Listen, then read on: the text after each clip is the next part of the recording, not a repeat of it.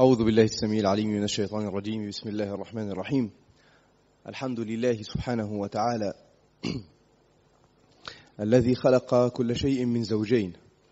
والصلاة والسلام على سيدنا محمد وعلى آله وأزواجه أجمعين أمهات المؤمنين وعلى ذريته ومن تبعهم بإحسان إلى يوم الدين. أما بعد فهذا لقاؤنا الأول الذي نلتقي فيه هنا في الحديث عن الخطبة والزواج وآداب الخطبة وطرائقها والتصور الشرعي الثقافي الذي يقدمه لنا القرآن الكريم والذي تقدمه لنا السنة النبوية المطهرة عن حالة الزواج وعن حالة الخطبة وفقا للأحكام التي قررها السادة العلماء وفهموها من النصوص الشريفة التي سنتناولها, سنتناولها بحول الله نصا نصا.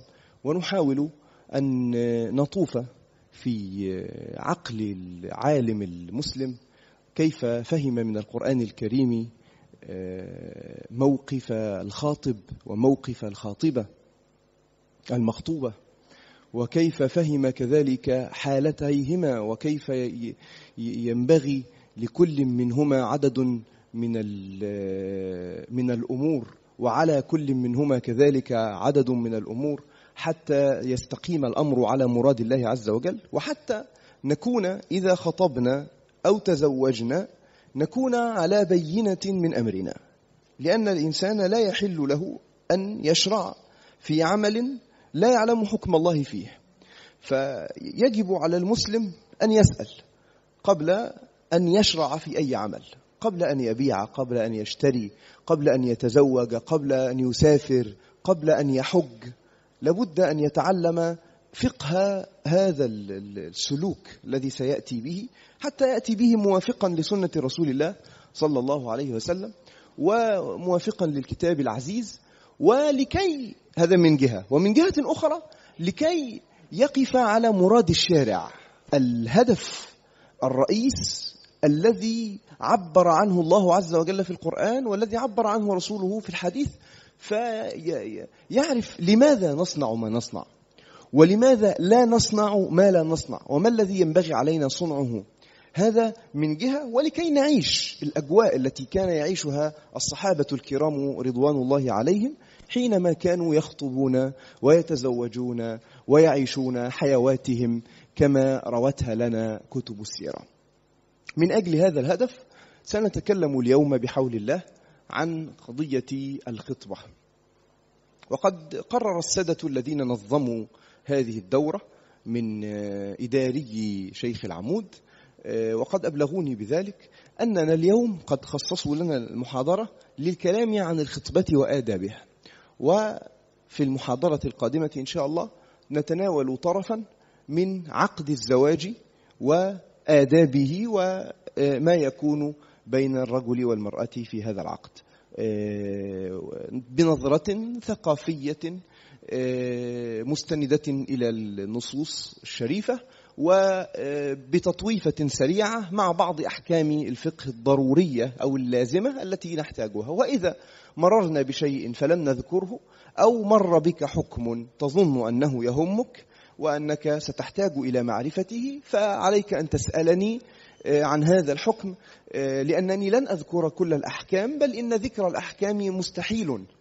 أن أذكر لك كل أحكام الخطبة أو الزواج في محاضرة بهذا الوقت. هذا مستحيل من حيث هذا الوقت. لكن يمكنك أن تسأل عما يشغلك إذا لم أتعرض له.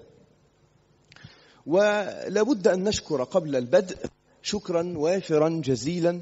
لسيدي وأستاذي وشيخي الدكتور أشرف المكاوي رضي الله عنه ونفع الله به لأنه كان قد عمل قبل ذلك على هذا العرض التقديمي الذي سترون. وإن كنت قد عدلت أمورا يسيرة زدت فيها بعض الأحاديث النبوية أو بعض النصوص إلا أن الأصل في هذا العرض كان له هو وأنه صاحب هذا التعب وصاحب هذا هذه العناية. بجمع هذه الأطراف للكلام على عناصر محددة. لم أكن أنا الذي حددتها وإن كنت سعيدا بها آه، وفخورا بأني أقدمها الآن. لكن لابد من هذا الشكر إحقاقا للحق الأدبي لمولانا الإمام الجليل. لقاؤنا سيدور على عدد من الأشياء. ربما نظن أن أهمية الزواج ليس أكثر من قضية إنشائية يتكلم فيها خطباء الجمعة ويتكلم فيها الناس إذا أرادوا أن يهرطقوا أو أن يهرفوا بكلام لا قيمة له. لأنها معروفة ولأنه لا فائدة من ذلك. لكن سنكتشف الآن إن شاء الله أن الأحاديث النبوية التي تعرض للقضية لها معنى. أبعد من المعاني الظاهرة التي تشيع بين الناس. الناس تتزوج لأسباب كثيرة لكن ترى هل الأسباب الشرعية التي من أجلها شرع الله هذا الشرع هذا الزواج والزواج شرع من الله؟ هل هذه الأسباب حاضرة في قلوبهم وفي نفوسهم؟ وهنا يأتي التنبيه. على ما ورد في النصوص الشريفة وكيف يتلقاه الناس الآن؟ ما الذي أهملناه منها؟ وما الذي ظل معنا؟ وما الذي انقلب إلى ضده للأسف الشديد في المجتمع الذي صرنا نعيش فيه الآن؟ وكيف يمكن لنا أن نتخلص من بعض هذه المشكلات؟ وهذه ليست مشكلة تخصني ولا تخص الفقه لكنها تخصني وتخص الفقه وتخصك فكل منا عليه أن يعلم بشيئين. الشكل المثالي والواقع الأرضي. وكل منا عليه أن يجتهد في تنزيل ما استطاع من الشكل المثالي على الواقع الأرضي. فلا تحاكم الشكل المثالي وتقول هذا لا يمكن أن يطبق. لا تقل ذلك. لأنني مؤتمن على أن أقدم لك فهم رسول الله صلى الله عليه وسلم على الوجه الذي عاشه وعلى الوجه الذي تعلمته من الأشياخ عنها. وهذا ربما يوافق أو لا يوافق الواقع الذي أنت فيه أو أنا فيه. لكن علينا معا أن نجتهد في أن أن ننزل هذا الشكل المثالي على الواقع الأرضي بقدر ما نستطيع من قوة. وما لا نستطيعه الآن يظل في الذهن فكرة إلى أن يأتي الوقت إلى أن يأتي الوقت الذي نطبقه فيه إن شاء الله. تمام؟ هذه هذا ضابط مهم قبل أن نبدأ. حتى لا تعترض على ما ورد في الشرع بأنه ليس مناسبا.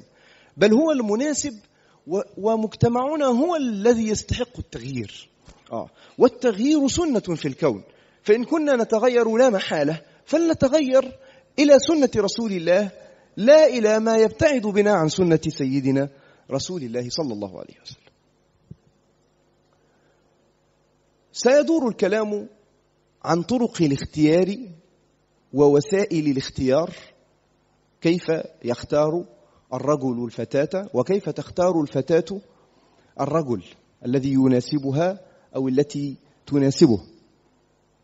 وشروط هذا الاختيار ومعايير هذا الاختيار وسيأتي بعض الأحاديث تنير الطريق. واعلم أن الأحاديث غالبا في هذه الأبواب تنير الطريق تساعدك على التفكير. ربما لا تعطيك حلا نهائيا جازما هو الشكل الوحيد. لا لأن الإسلام أرحب من لأن الإسلام أرحب من ذلك. هو يحتمل كثيرا من الطرق والآليات والتطبيقات. المهم أن نكون جميعا على الطريق. تمام؟ سنتناول أيضا فكرة الكفاءة. وكيف جعل الشرع الشريف هذه الفكرة مرعية وما حدودها الشرعية؟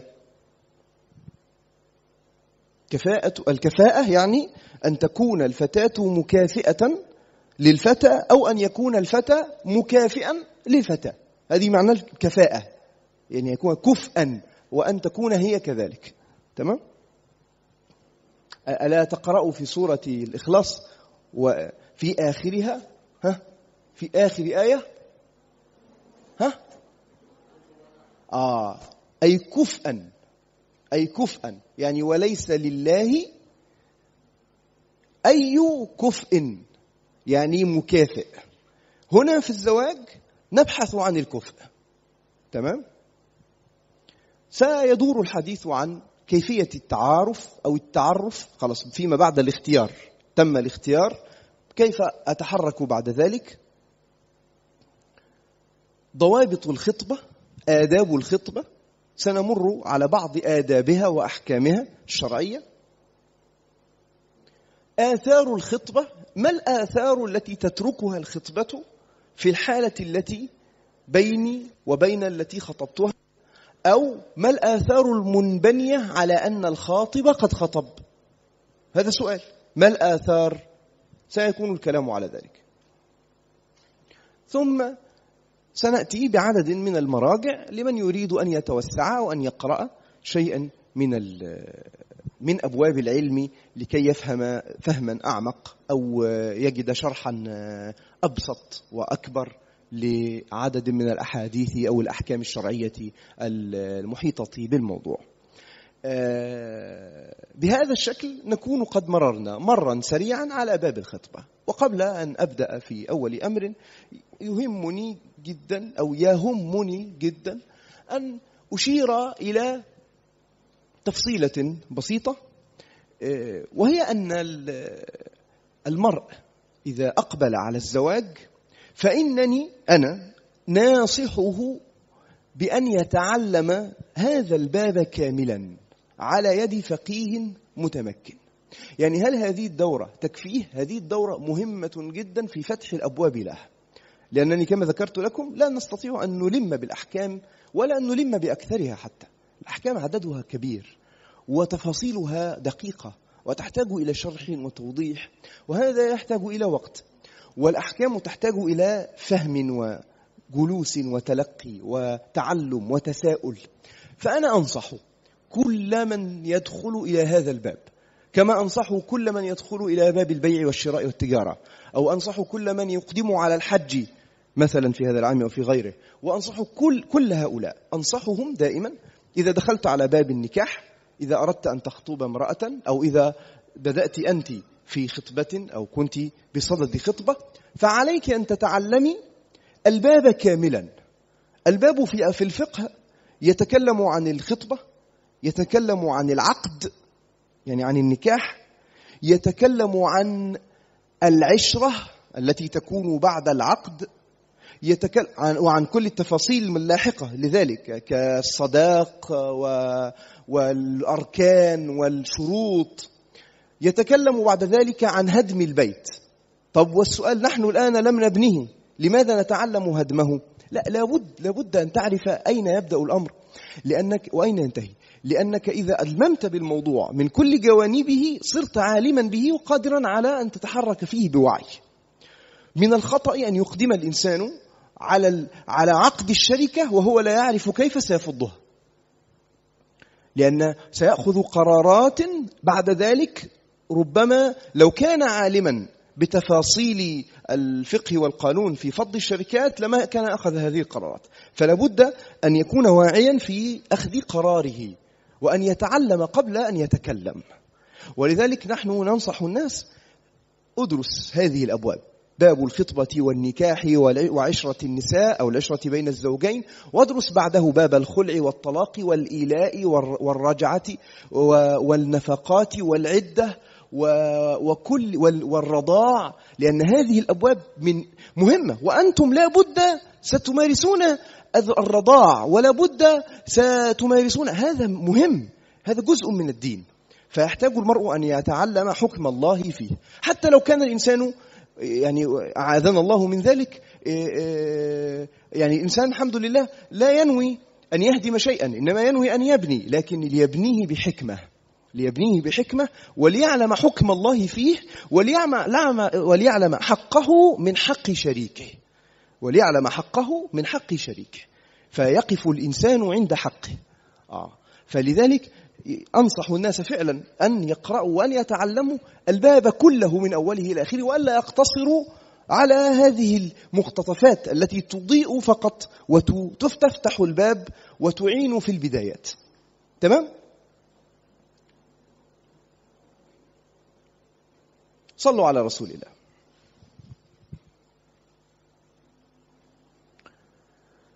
ورد في كتاب الله عز وجل عدد من الآيات يتكلم فيها ربنا عن تقسيمه للكون إلى ذكر وأنثى. وتقسيمه للإنسان بخصوصه إلى ذكر وأنثى. وكأن الله عز وجل جعل دليلا من أدلة التوحيد. توحيد هو أعلى ما جاء به الإسلام أهم ما جاء به الإسلام. كأنه جعل دليلا من أدلة التوحيد أنه هو سبحانه الوحيد الذي لا يحتاج إلى شريك والذي لا يحتاج إلى قسم آخر من جنس الآلهة لأنه سبحانه وتعالى هو الإله ولا إله غيره. على خلاف التصورات الإغريقية واليونانية التي كانت تظن أن عندي إله وعندي إلهة. لا. التصور الإسلامي قال الله أحد الله الصمد.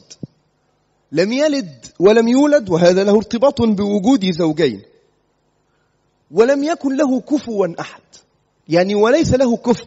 أما أنتم أيها الناس فتلدون وتولدون ويكون لكل منكم كفء من الآخر.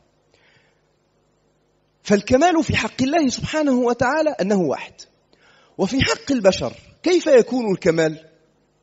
باجتماع النصفين. اقرأ من هذا المدخل قوله تعالى ومن آياته أن خلق لكم من أنفسكم أزواجا لتسكنوا إليها. وجعل بينكم مودة ورحمة ولكي تفهم الآية تحتاج أولا أن تعرف أن كلمة زوج لا تعني اثنين كلمة زوج تعني إيه؟ تعني إيه؟ الناس مش عايزة تقتنع زوج تعني إيه؟ واحد له شبيه له مثيل هذا معنى زوج يعني؟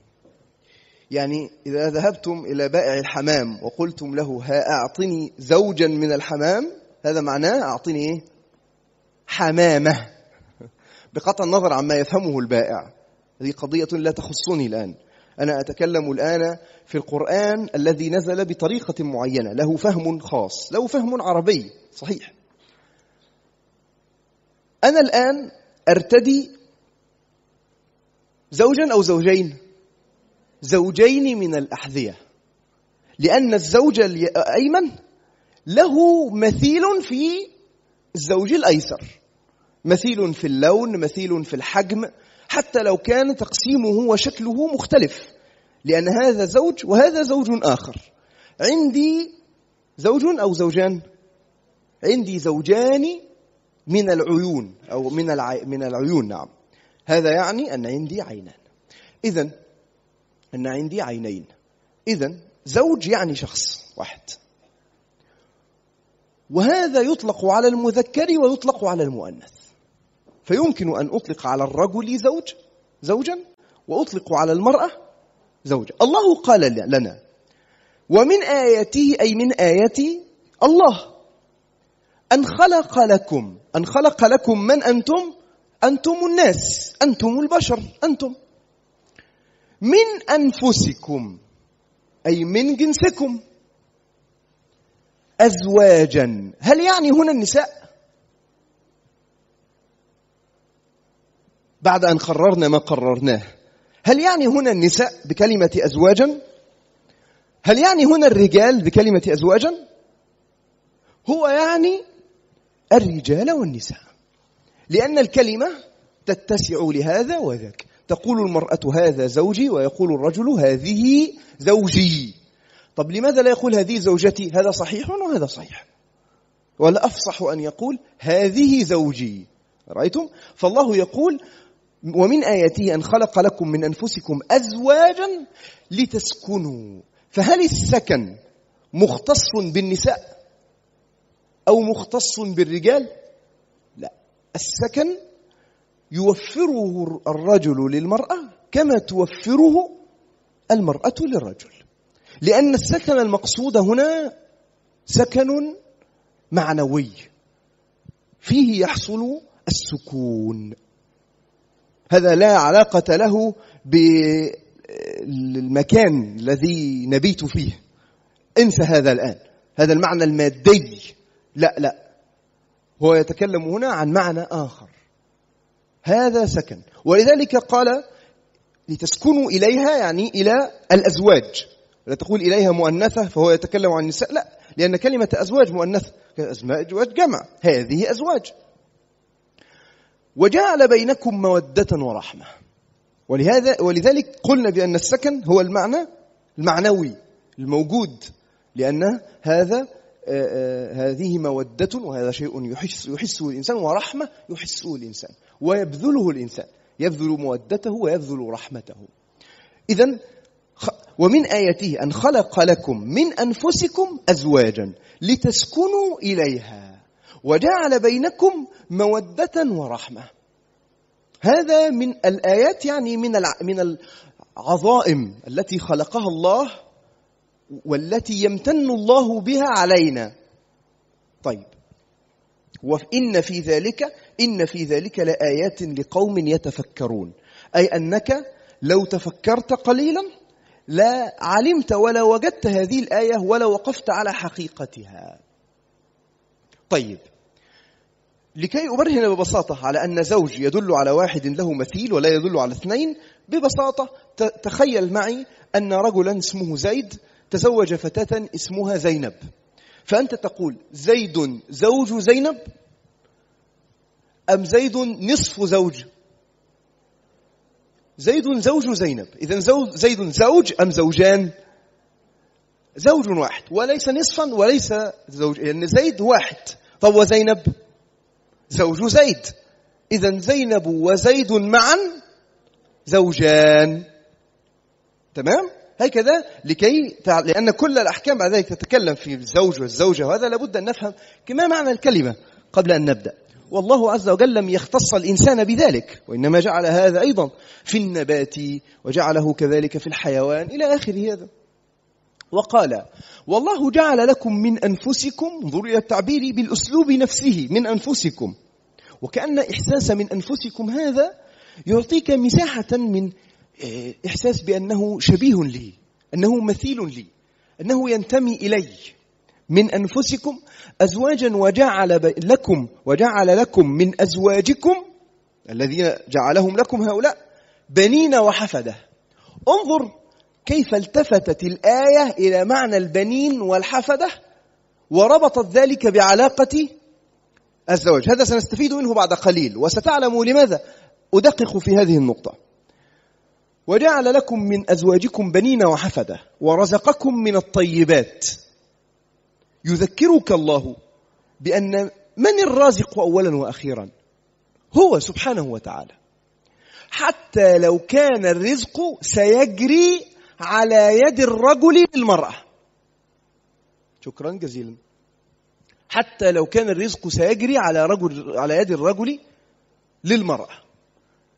وستأتي الآيات تتكلم عن كيف يرزق الرجل المرأة. هذا ليس حراما أن نقوله. القرآن فيه ذلك وارزقوهم منه. هذا موجود. ليست المشكلة في استعمال الكلمة المشكلة في الاعتقاد.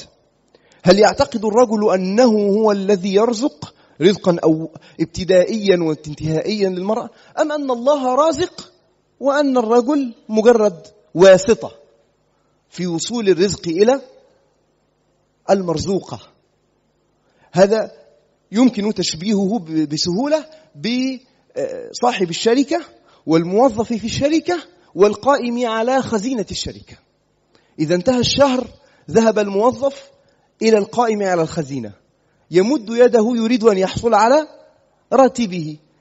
موظف الخزينة يمد يده ويعطيه المال من الخزينة. هل يملك الموظف هذا المال؟ أبدا. من الذي يملك المال؟ صاحب الشركة. فالآن مالك الشركة. فالآن الموظف الذي يجلس على الخزينة مثاله هنا مثال الزوج الذي سينفق على الزوجة. وهو لا يملك المال على الحقيقة وإنما مالك المال على الحقيقة هو الله سبحانه وتعالى. والموظف الحاصل على راتبه هو هنا في الصورة هو إيه؟ الزوج. لابد أن نتفهم كيف أن الإنسان لا يرزق من عند نفسه؟ وإنما يرزق بمال آتاه الله إياه. وعن عبد الله بن مسعود وهو من أكابر الصحابة روى عن سيدنا رسول الله قال قال لنا رسول الله صلى الله عليه وسلم يا معشر الشباب من استطاع منكم الباءة فليتزوج فإنه انظر إلى التعليل النبوي فإنه تعليل خطير. انظر كيف ينظر الإسلام إلى قصة الزواج. فإنه أغض للبصر. هذه مكرمة في الرجال أن يكون غضيض البصر. وأمر شرعي. وقل للمؤمنين يغضوا من أبصارهم. كما أمر أيضا المرأة. قال وقل للمؤمنات يغضضن من أبصارهن. وأحصن للفرج. هذه مكرمة أيضا في الناس رجالا ونساء. أن يكون محصنا يعني يجد حصنة. يعني إيه حصن؟ تعرفون الحصن عسكريا كيف يستعمل؟ يلتجئ إليه الإنسان ويحتمي به. هذا معنى الاحتماء. عبر عنه رسول الله بقوله أحصن. عبر عنه الإسلام حين تكلم عن المحصن والمحصن والمحصنات من النساء. يعني هي موجودة في إيه؟ في حصن. من حصنها؟ زوجها. والرجل موجود في حصن. من حصنه؟ زوجته. يعني معنى الحصنية قائم في الرجل كما هو قائم في المرأة. بدليل أن الرجل لو زنى ولم يكن محصنا ما حده؟ أن يجلد مئة جلدة وأن يغرب عاما.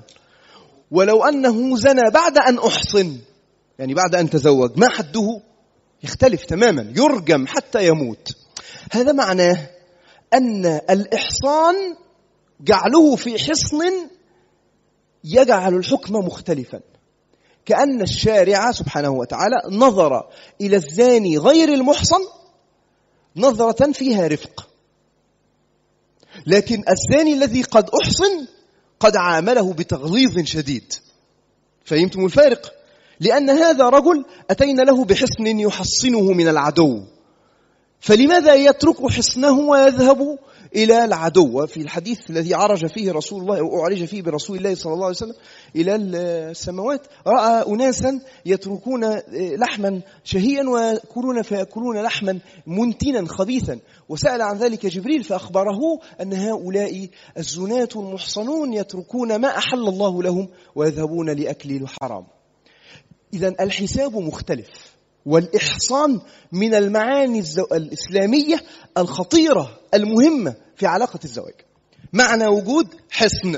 تذكر هذه الفكرة واكتب في ورقة هكذا فرعية من الفلسفات الإسلامية الحصن في هذا الباب. طيب لابد أن نقف عند شيء آخر في الحديث. يقول من استطاع الباءة؟ ما معنى باءة؟ مشهور بين الناس باء يعني المال.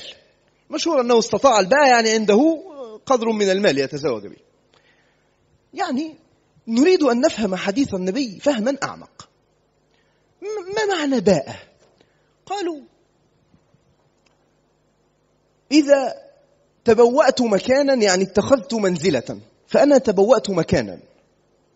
تبوأته أي اتخذت المنزلة. هذا المكان قد تبوأته أو هذه المنزلة المكانة قد تبوأتها. وقد أبوئها لغيري. يعني ممكن أن أبوئ غيري منزلة. فمثلا أعين فلانا في منصب رئيس الإدارة. من الذي بوأه الآن؟ أنا. من المبوأ؟ الولد الشخص الذي عيناه. وما المنزلة؟ هذا المنصب. قال السادة عبر رسول الله عن الباءة بالباءة عبر بها عن أن الرجل إذا تزوج فتاة فإنه يبوئها منزلة. هذه هذا معنى في الحديث ليس الحديث مجرد كلام عن مال وجنيهات يملك ذلك الإنسان فيتزوج لا. هناك معنى آخر معنى نفسي في الموضوع. أنه بوأها وجعلها في منزلة تخصها. ليس كمنزلتها في بيت أبيها. آه. إذا هنا من استطاع منكم الباءة يعني أن يبوئها فليتزوج. هذا معناه أن الذي لا يستطيع الباءة لا يورط نفسه فيما هو فوق تكلفته. وهذا أمر يطول. لو بحثنا في كتب الفقه لفهمنا كيف يقدم العلماء هذه الأبواب على بعضها وكيف يتعاملون في هذا الموقف. أن تكون زوجة له هذه منزلة نفسية. فيها مودة ورحمة وسكن. منزلة اجتماعية بين الناس. صارت سيدة بيت وربة منزل وملكة في عالم آخر. هي فيه الأولى وليست من ضمن الناس. آه أن يبوئها منزلة من نفسه هو. فصار لها من يغار عليها ويحميها ويهتم بها اهتماما زائدا عن اهتمام أبيها بها أو أخيها بها. فهي منزلة كل تلك منازل يبوئها إياه. ومن لم يستطع منكم أيها الشباب فعليه بالصوم. فإنه له وجاء. ما معنى وجاء؟ قال العلماء أنا الآن لا نتكلم عن معنى وجاء الحقيقي سأتكلم عن معنى المجازي لوجاء. قال العلماء إنما شبه رسول الله الصوم بالوجاء لأنه يقطع الشهوة. طيب لو سمحت نريد شيئا من التوضيح. يعني الزواج له ارتباط بالشهوة؟ نعم. بل هو الارتباط الأصلي. لكننا يعني كنا نظن أن الزواج له ارتباط بالسكن المعنوي والمودة والرحمة المذكورة في الآية الأولى وكذا. نعم لكن لابد أن تعلم أن الدنيا لا تسير بالعواطف. في واقع الأمر الدنيا تحتاج إلى همة عالية تشحذها رغبة شديدة. الدنيا تحقيق الإنجازات قراءة العلوم بلوغ المطالب ليس بالتمني وليس بالعواطف الطيبة وليس بالأحاسيس الجميلة. الأحاسيس الجميلة ليست كافية لدفع الرجل لكي يحصل على امرأة لتكون سكنا له. ولا تقول لا تقولن لي لكنها كافية للمرأة لتكفيها لكن المرأة ليست هي التي تخطب الرجل على الأصل. ولذلك نحن هنا بصدد الكلام عن نفسية الرجل من حيث المعنى وصي و و ووظائف الرجل العضوية. ولذلك الحديث قال بوضوح قال فإنه أغض لبصره. يعني الإنسان إذا وجد زوجة ينظر إليها خلاص استغنى بذلك عن أن ينظر إلى بنات الناس في الطريق. وإذا وجد امرأة يأتيها استغنى بذلك عن أن يواقع امرأة أخرى في الطريق. فصار أحصن لفرجه كذلك. طيب يا رسول الله من لم يستطع منا الباء فكيف يصنع في هذه الشهوة العارمة التي خلقها الله في صدر كل رجل وفي جبلة كل رجل؟ كيف نصنع معها؟ قال عليك بالصوم. لأنه يقطع هذه الشهوة ويخفض منها تخفيضا شديدا. فبذلك صار قريبا جدا من طبيعة الإنسان الرجل. لأنه ولا بد أن يدرك هذا الرجال والنساء معا. لابد أن يدركوا أن الله خلق الرجل بهذا التركيب. خلق الشهوة عنده أشد حدة وأقوى أمواجا وأعتى ظهورا وأشد دفعا وأخطر على المجتمع. منها عند المرأة. هذه حقيقة. لابد أن ندركها قبل أن نتكلم في شيء. وأنا الآن لا علاقة لي بعلماء الطب وعلماء هذا لا يشغلني. أنا هؤلاء ليسوا حجة على الديانة.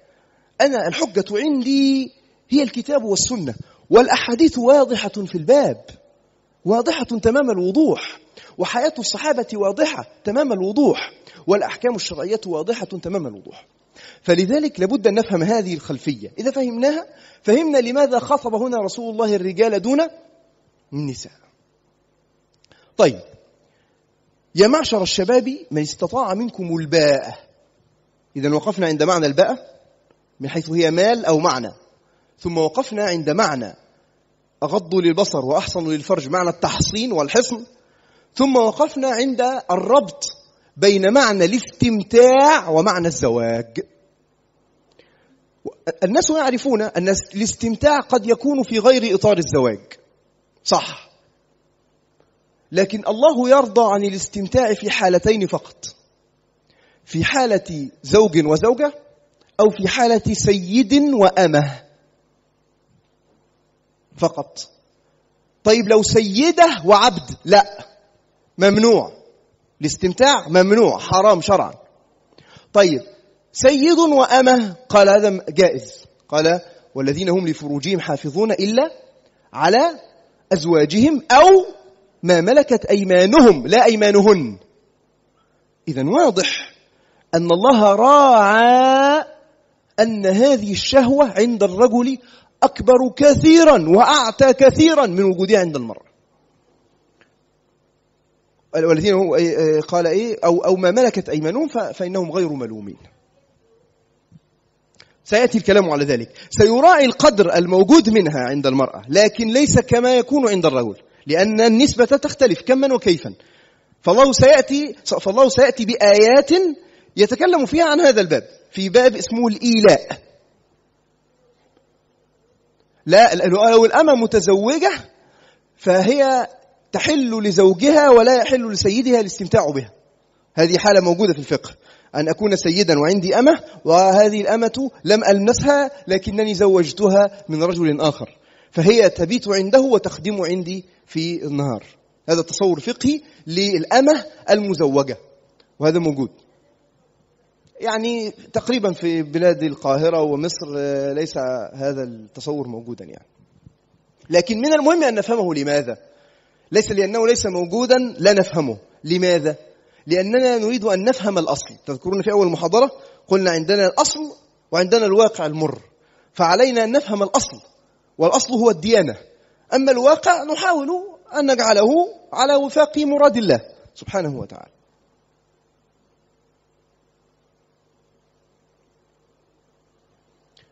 هناك حكم فقهي لطيف.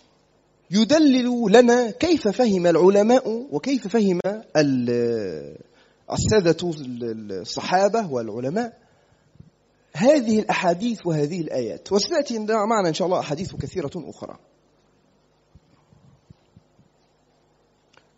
قال السادة فعل الزواج يعني أن يتزوج الإنسان مع الشهوة يعني مع وجود شهوة عنده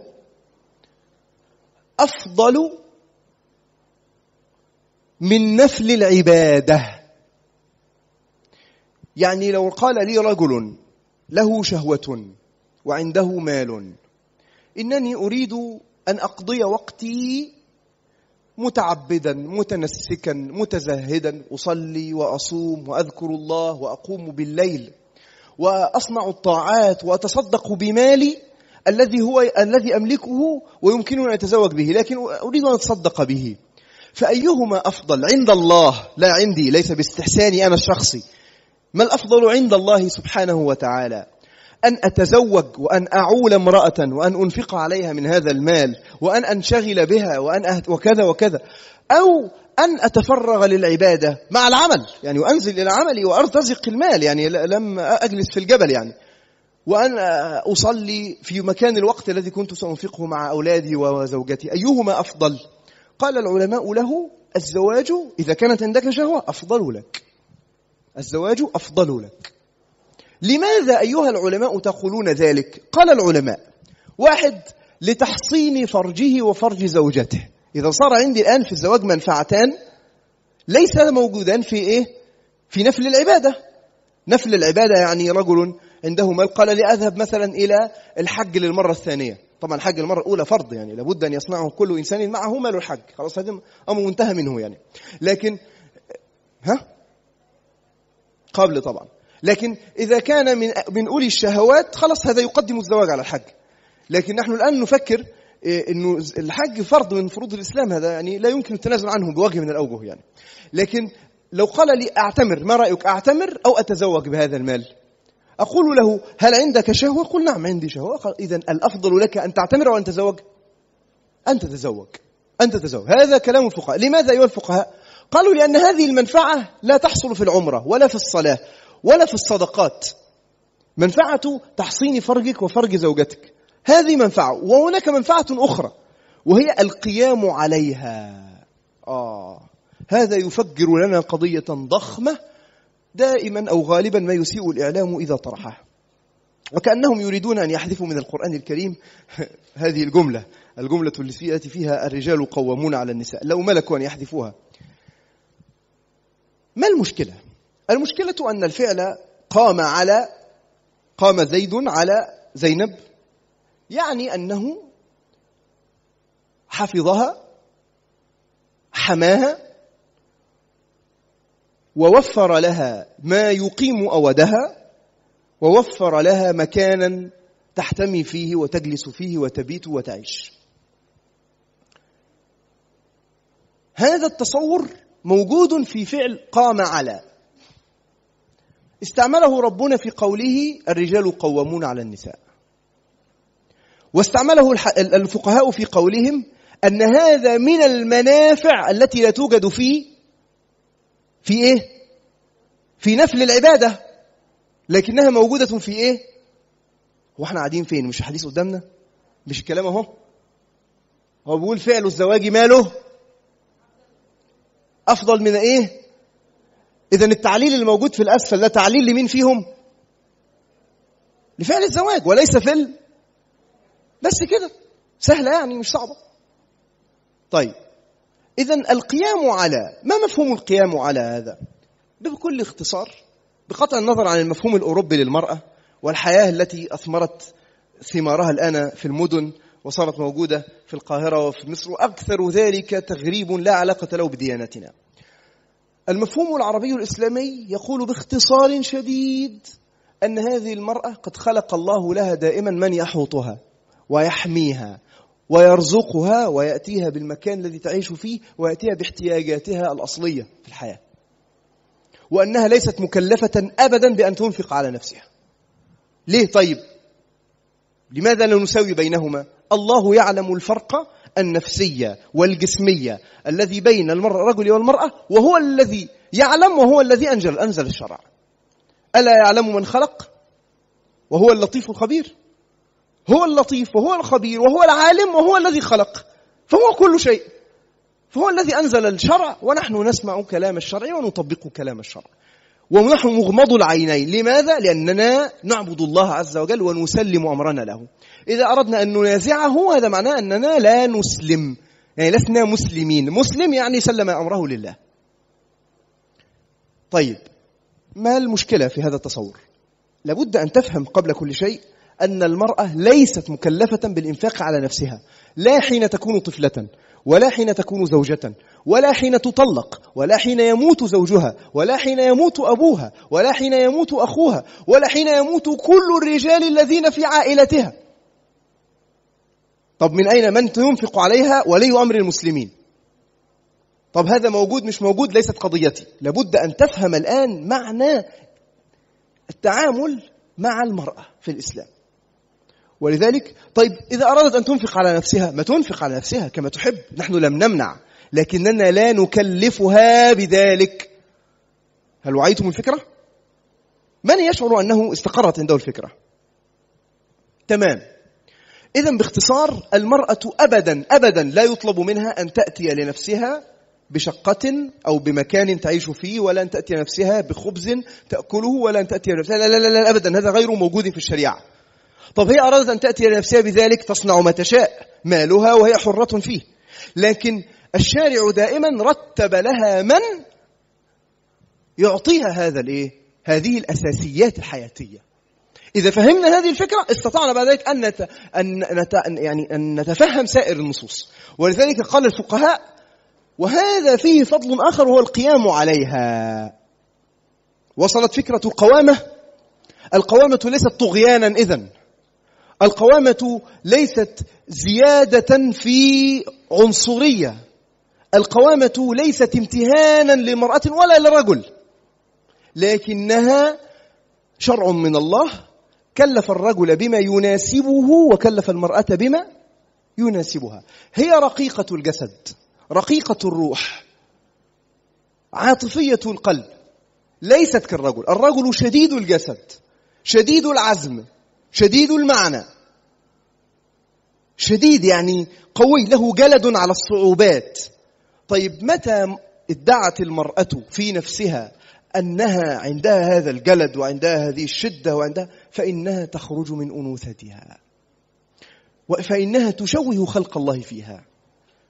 فإنها لا تتوافق مع المنظومة التي أرادها لها القرآن والسنة. منظومة لا تعاملها هكذا. المنظومة لا تطلب منها أن تذهب للعمل. منظومة ليست كذلك. هي لم لم نحرم لكن لم نطلب. لابد أن يوعي هذا كلام دقيق للغاية. لابد أن يفهم بدقة. تمام؟ طيب. قال انظر إلى هذه الفكرة. وتحصيل النسل. هذا لا يحصل بالعمرة والحج وبدفع النفقات. وبدفع عفوا الصدقات. تحصيل النسل. يعني تحصيل النسل وتكثير الأمة تحصيل النسل وتكثير الأمة من المطالب الشرعية؟ نعم من المطالب الشرعية. وهي واردة في الأحاديث الجليلة الشريفة الصحيحة. طيب وماذا قالوا أيضا؟ هذا بالمناسبة هذه الصياغة وهذا الكلام أنا لم أتدخل فيه إلا بوضع الفواصل العلامات ترقيم فقط. هذا منقول. وسأذكر لكم مراجع. هذا منقول تحديدا من شرح منتهى الإرادات للبهوتي على ابن النجار. وتحقيق وسأتي في النهاية تأتي المصادر. وتحقيق مباهاة النبي صلى الله عليه وسلم وغير ذلك أي وغير ذلك من الفوائد التي تتحقق بماذا دون ماذا؟ بزواج دون نفل العبادة. يعني مباهاة رسول الله صلى الله عليه وسلم بكثرة الأمة مطلب شرعي محترم على المسلمين أن يحققوه. الله عز وجل حتى يباهي الملائكة. يعني تكثير الأمة هذا وتكثير السواد مطلب نعم مطلب شرعي. طب تحديد النسل بقى وبتنجان المخلل هذا ما علاقته بالديانة؟ قل لي أنت. طيب نحن الآن نتكلم عن الفكرة كما جاءت في الأحاديث. أنا لست مشغولا بالتلييس طيب أنا مشغول بنقل ما هو السنة على ما هو السنة.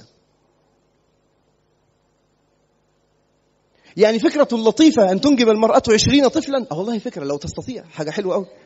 يبقى فكرة جميلة جدا. ويعني لو أنها استطاعت ذلك ولو أن الرجل حاجة يعني. وهذا من. طب لكن أنا ثقافتي يا أخي غربية جعلتني أتصور أن الحياة المثالية هي زوج وزوجة وطفل أو طفلان. يعني هذا لطيف جدا ونعيش معا في غرفة صغيرة وشقة صغيرة أو يعني حين يغتني بنا الأمر يكون يعني فيلا أو كذا ونعيش معا. وهذه حياة أستطيع أن أنفق عليها ومش عارف إيه. ماشي. اصنع ما تشاء لكنني أكلمك عن التصور الذي فهمناه عن الأحاديث بنصوص الأحاديث والآيات. ولا أقول أنني أنا الذي فهمت من الأحاديث والآيات لكن أنقل لكم فهوم السادة العلماء. هذه كلام منقول كما قلت لكم يعني. هذا ليس من عندي ليس من كيسي يعني. تمام؟ طيب وال ماذا نصنع في المشايخ الذين يقولون لنا والله إن الممكن ان يعني لا نقطع النسل لكن نحدد النسل وظروف الأمة المصرية الآن وظروف الأمة العربية والعالمية ومش عارف وظروف خالتي عاملة إزاي؟ هذا يعني هناك علم وهناك سلة أخرى غير العلم. العلم ما قال الله ورسوله. نحن الآن مع ما قال الله ورسوله والسادة العلماء الفقهاء الذين أصحاب الكتب نقلوا الديانة على القرون الماضية. لكن لا, لا علاقة لي أنا باجتهادات التوليف التي قيل لهم إن أسيادكم الأعاجم يريدون منكم أن تقللوا النسل. فقالوا طيب كيف نبحث في هذا الموضوع حتى نسلها فركبوا كلمة من هنا وهناك حتى لا هذا ليس من عملي.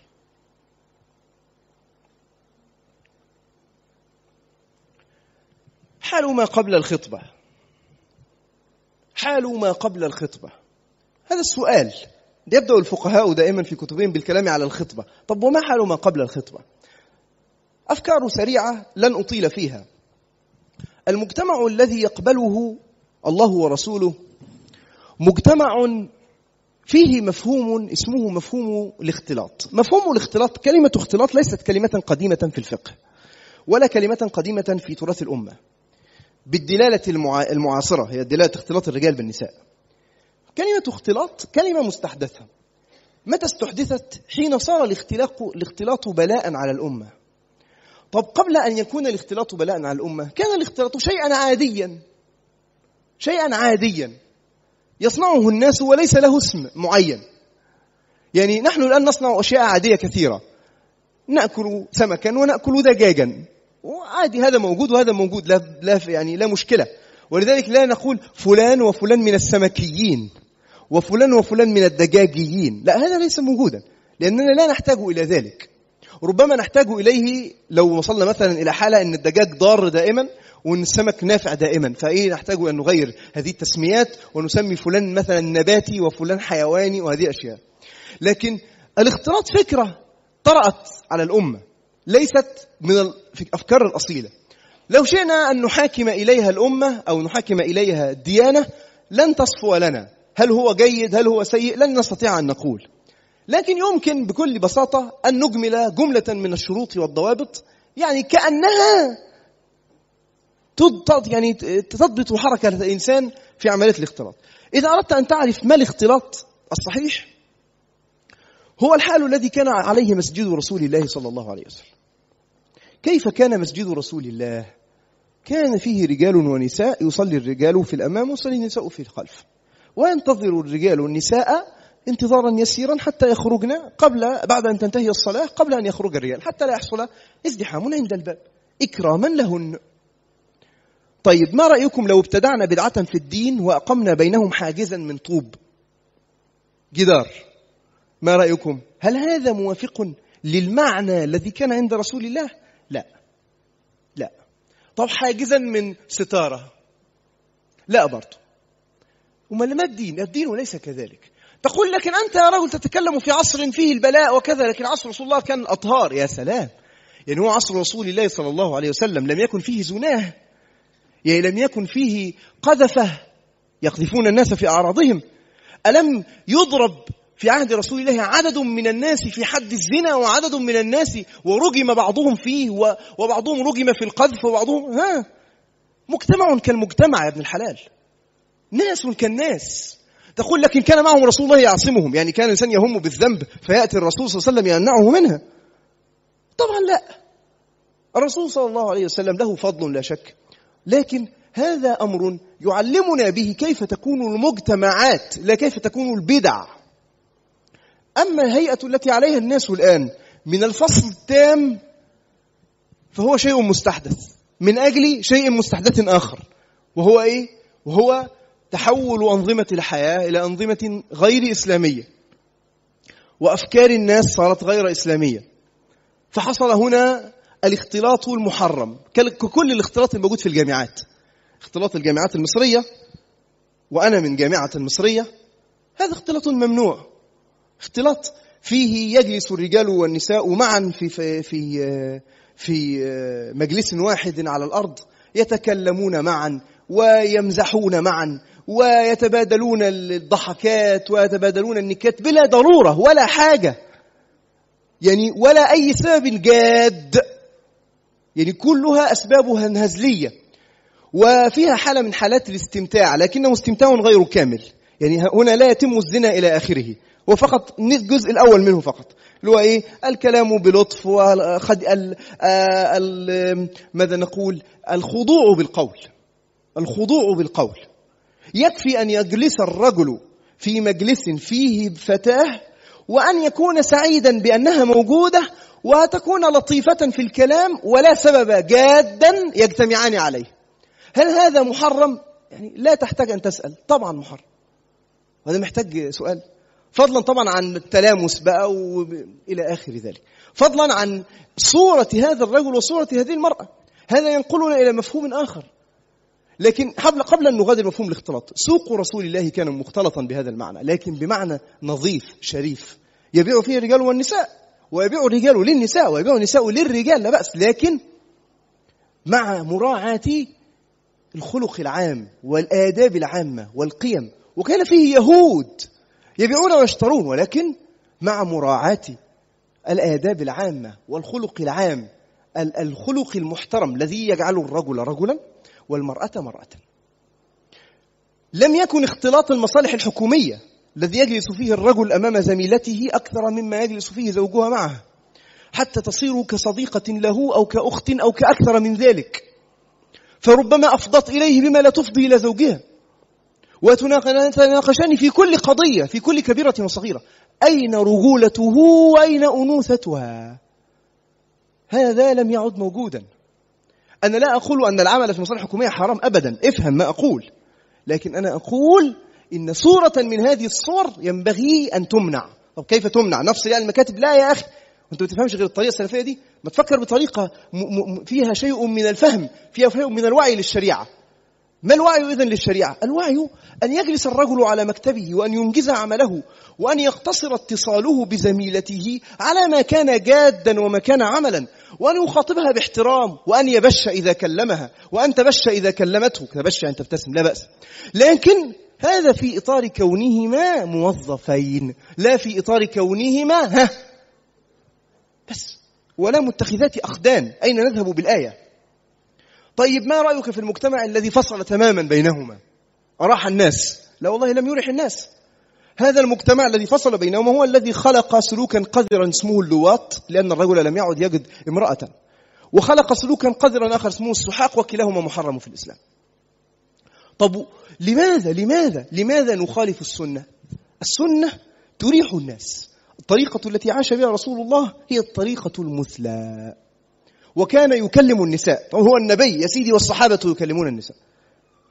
من أكابرهم إلى أدناهم وكلهم كبير. صلى الله عليه وسلم. إذا الاختلاط ضابطه الأصلي هو عدم ارتكاب المحرمات بالجوارح وعدم ارتكاب المحرمات بالقلب. كيف يرتكب القلب المحرمات؟ يرتكب أحيانا بسوء الظن يرتكب بالاشتهاء. بالاشتهاء. يعني من اشتهى امرأة لا تحل له فنظر إليها بشهوة. ما حكمه؟ آثم. آثم. تقول لكنها ترتدي زيا شرعيا وهو آثم. هي ترتدي وهو آثم. لأن الاشتهاء متى يكون مباحا يا سادة؟ في حالتين إيه وإيه؟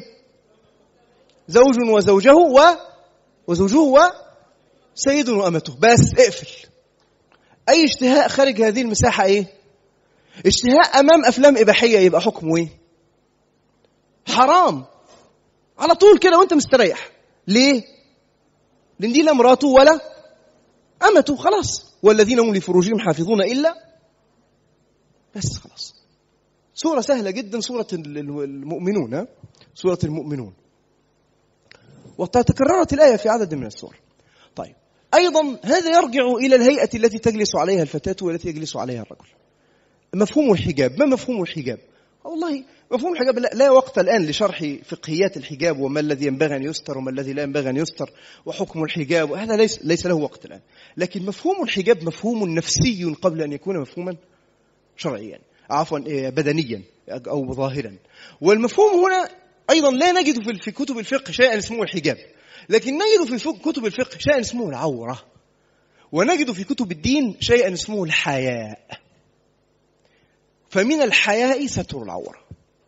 ما حدود العورة؟ شيء يحدده لنا كتب الفقه. باختصار شديد الحجاب الذي يرضى عنه الله ورسوله حجاب ليس فيه عطر فائح.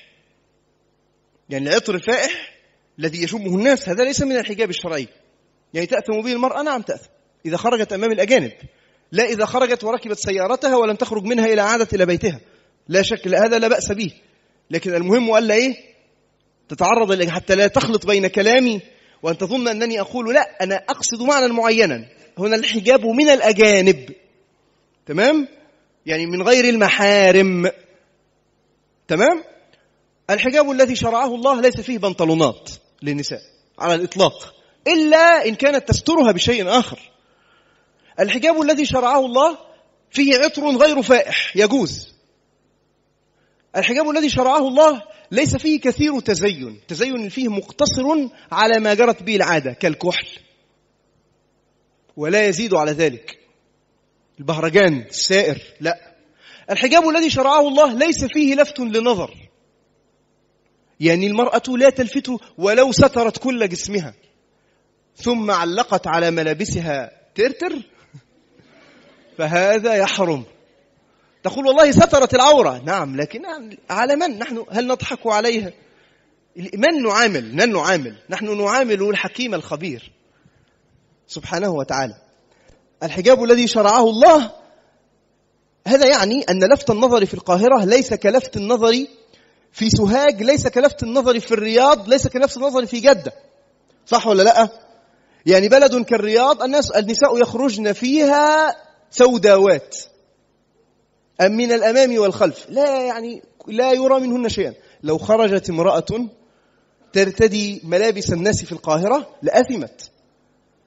لأنها تلفت أنظار الرجال جميعا إليها. لكن تلك المرأة القاهرية لو لبست هذه الملابس الجائزة في القاهرة والتي ربما فيها بعض الألوان أو كذا وسارت في القاهرة. هل تأثم؟ لا لا تأثم. لأن لون السواد ليس واجبا لكنها عادة عند القوم فينبغي مراعاتها عند القوم. ولا ينبغي وليس واجبا علينا أن ننبغي أن نراعيها في في فئة أخرى. إذا العرف هنا معتبر؟ نعم معتبر. لكن ليس كل الأعراف. عرف أباح للمرأة أن تكشف شعرها. حرام طبعا. عرف باطل عرف فاسق. عرف أباح لها أن حرام. عرف أباح لها أن تلبس شيئا ضيقا على قدر جسدها حرام. شيئا ضيقا يظهر حجم عضوها كيدها كخصرها حرام. حزام حرام حرام. لماذا؟ باختصار من ضوابطه أن يكون إيه؟ فضفاضا أن يكون واسعا. ألا يلفت النظر ألا يثير الشهوة أن يستر العورة. وضحت هذه؟ ومع ذلك هناك تفاصيل كثيرة في باب الحجاب فيها ما هو فيه ترخص وفيها ما ليس فيه كذلك. هذا يحتاج إلى نظر فقهي ليس من عملية لا يتسع المقام له الآن لكن أحببنا فقط أن نطوف بهذا الشكل. فامرأة ليست تلتزم بمثل هذا ثم تختلط بالرجال. هل يكون الاختلاط هذا جائزا؟ لا يكون جائزا. لا يكون جائزا. وهذا فهمنا منه مفهوم الأنوثة وفهمنا منه أيضا مفهوم القوامة. ولأننا ليس عندنا وقت طويل للاستطراد فإننا سنمر الكلام بقدر الطاقة على الضروريات. تعالوا بنا نقف بعد هذه التطويفة عند بعض زهرات من روضة سيدنا رسول الله صلى الله عليه وسلم. هذا حديث خطير. من أملك الأحاديث وأجمعها التي تعلم الرجال والنساء كيف يتعاملان مع الجنس الآخر. أنا من الناس الذين يرفضون الطرح الغربي. كن معي أو كن ضدي هذه قضية تخصك وتخصني لنختلف فيها بعد انتهاء المحاضرة وبعد أن نتوقف عن ذكر السنة وعن ذكر ما جاء في الشريعة الإسلامية. أنا رجل لست مقتنعا بالرجال من الزهرة ولا بالنساء من المريخ ولا حتى من بلوتو. ومقتنع بأن الشريعة قد رتبت لنا طريقة تفكيرنا تجاه الجنس الآخر الذي هو الرجال أو هو النساء بشرع واضح وآيات تخاطب الروح قبل أن تخاطب البدن. وتخاطب البدن كما تخاطب الروح. سواء اتفقنا أو اختلفنا في المساحة الغربية فهذا لا يخصني. ما يخصني ويخصك ويجمعني ويجمعك هو كلام سيدنا رسول الله. أخرج الإمام مالك في موطئه وأحمد في مسنده رضي الله عنهما عن سيدنا رسول الله صلى الله عليه وسلم حديثا ذكر فيه أنه عرضت عليه الجنة. وفي هذا الحديث كلام طويل اختصرناه في النقاط الأولى من أول الحديث وذكرنا الشاهد الذي سنقف عنده. قال وقد رأى الجنة والنار. تمام؟ فحين تكلم عن النار قال ورأيت النار فلم أرى في همزة ناقصة أنا آسف. لم أرى كاليوم منظرا قط ورأيت أكثر أهلها النساء.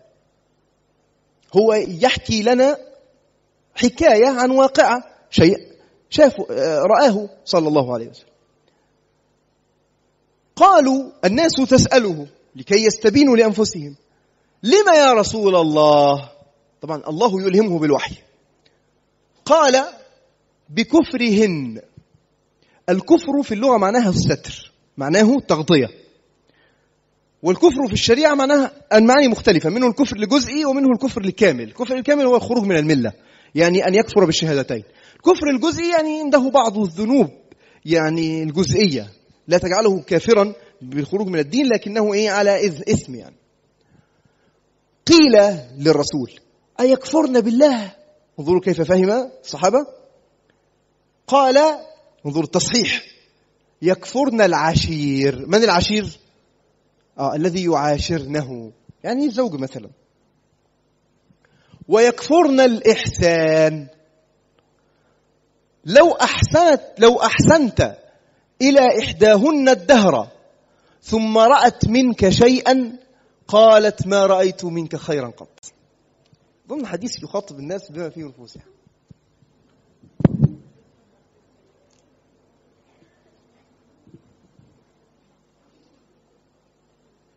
والشرب قائما في المذهب مكروه. طبعا في همزة عند أحسنت أنا آسف للهمزتين. غابتا.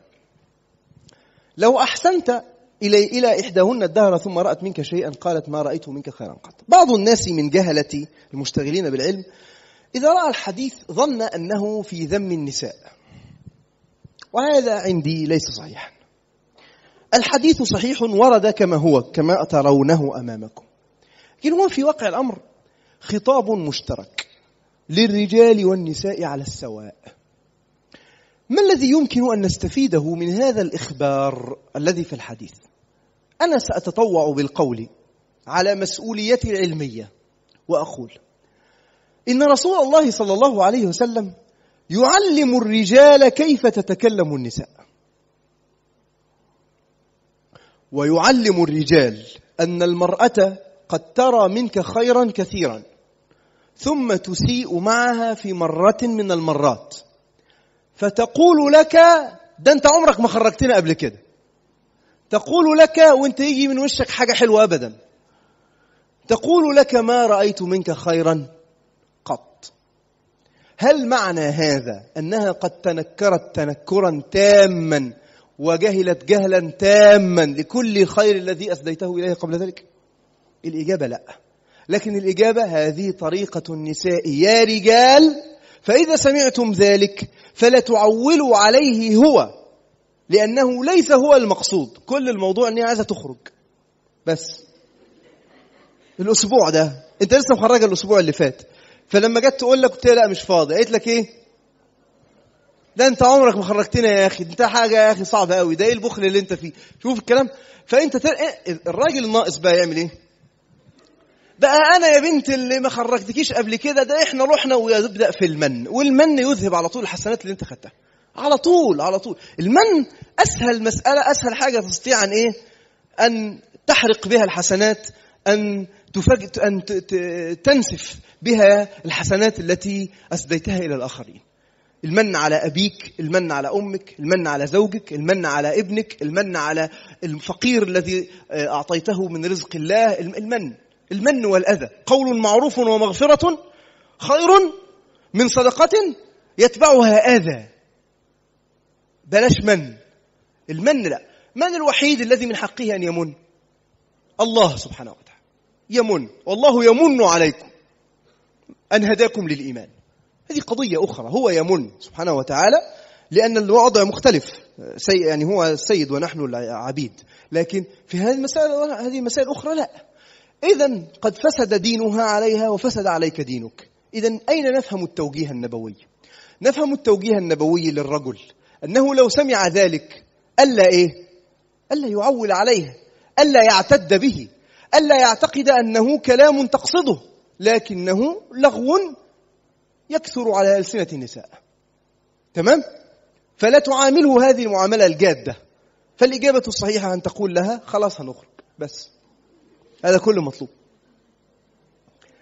ومن جهة أخرى يخاطب النساء يقول لهن اتقين الله في أزواجكن.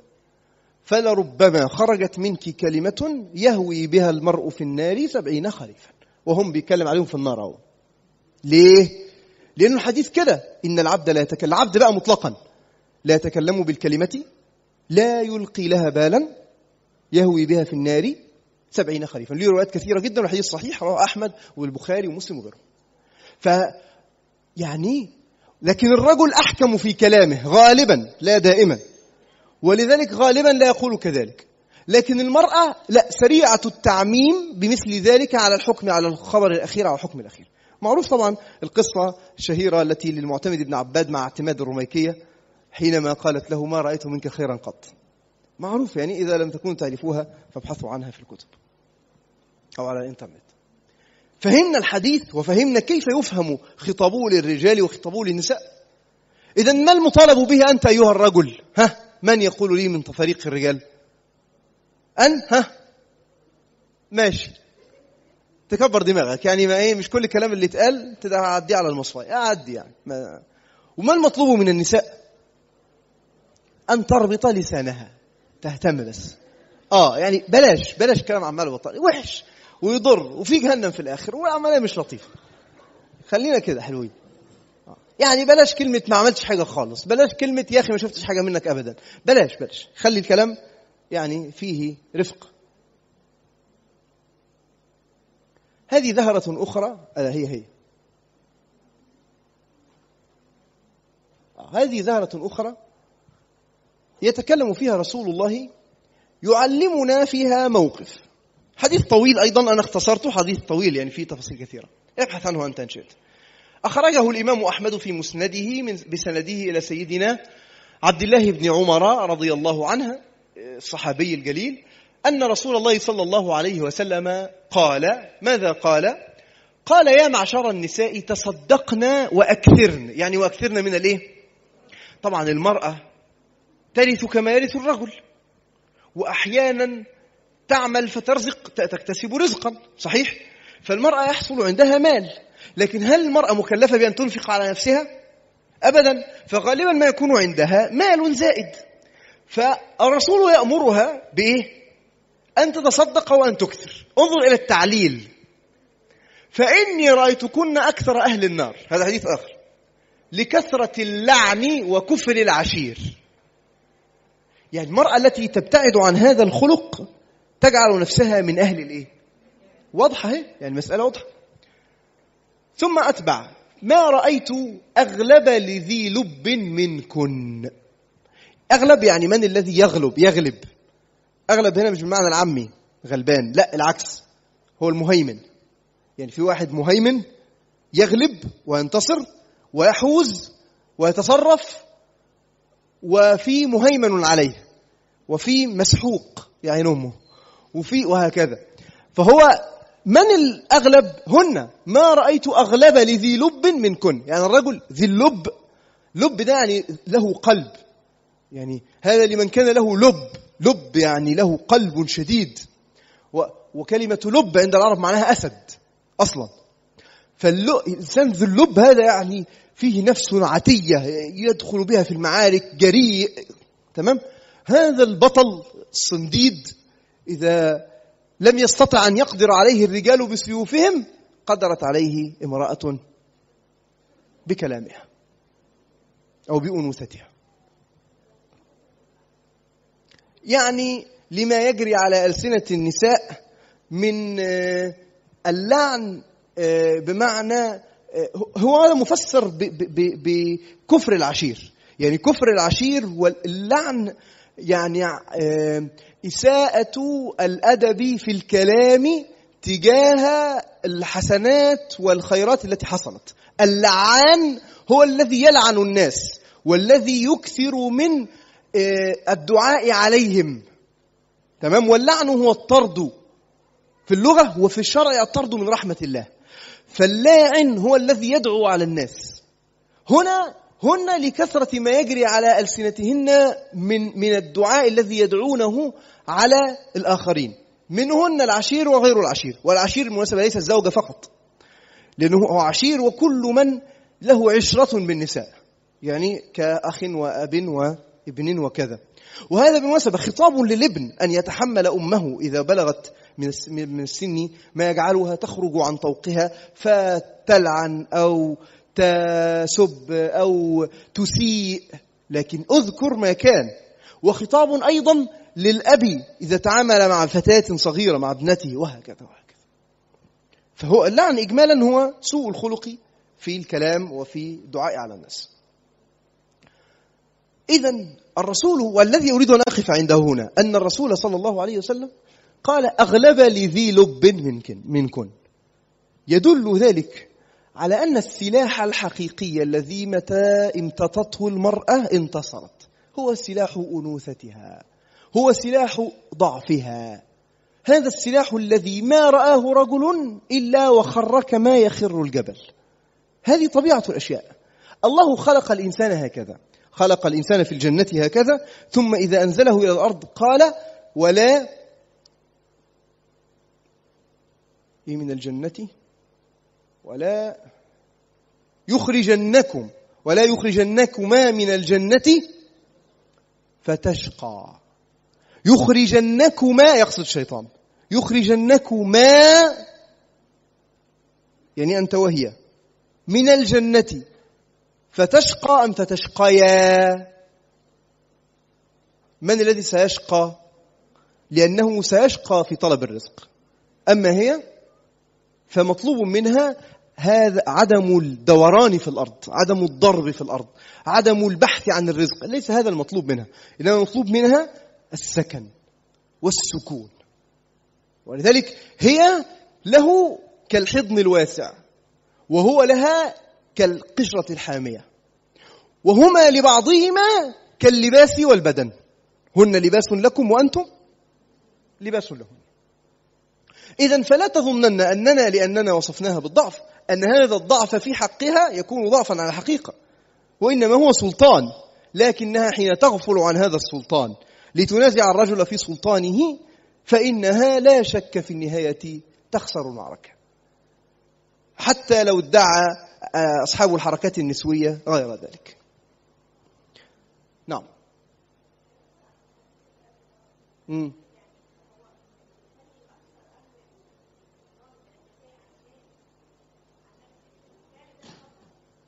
هو مش بيخلي آه هو بيوصف. آه هو رآهم فوجد ذلك فسئل لماذا؟ فألهمه الله أن هذا هو السبب. آه. أيوه ما هو ده معنى عميق في حد ذاته. كفران العشير والتنكر للجميل السابق ده معنى عميق في ذاته اسمه عدم الوفاء عدم الولاء. وعدم الوفاء للسبب الأرضي الذي جعله الله رازقا لي باب إلى عدم الوفاء والولاء للسبب الحقيقي الذي يرزقني. هو لماذا أمرنا الله ببر الوالدين؟ لأنه أمر لا لأي علة أخرى. لكن ما المفهوم الفلسفي لبر الوالدين؟ كما يقول الشعراوي غير الشعراوي هو أنهما سبب وجودك في الدنيا. فأنت إذا أسأت إلى أبيك وأمك وهما سبب وجودك في الدنيا السبب المباشر للوجود. فكيف يكون سلوكك مع السبب غير المباشر؟ أو مع السبب الغيبي. فعقوق الوالدين طريق إلى الكفر. طريق إلى الخروج من الدين. ولذلك جعل الشارع التوحيد بعده بر الوالدين. نفس الفكرة. إذا ربطناها بمعنى الزوج سنجد أن هذا نوع من التنكر للجميل. فمن تنكر للجميل الظاهر تنكر للجميل الباطن. وهل فعل الله فينا باطن وظاهر أم ظاهر فقط؟ باطن وظاهر ونعمه علينا باطنة وظاهرة. أما نعمة الزوج فظاهرة. فإذا تنكرنا للظاهر فهذا من باب أولى يكون طريقا للتنكر للباطن. فهمنا؟ ولذلك الكفر العشير طريق إلى الكفر بالله. وهذا يستحق جهنم حتى لو كان أهل النار هؤلاء من أهل النار الذين يخرجون منها بعد ذلك أو يستقرون فيها إلى ما لا نهاية فهذه مسألة أخرى.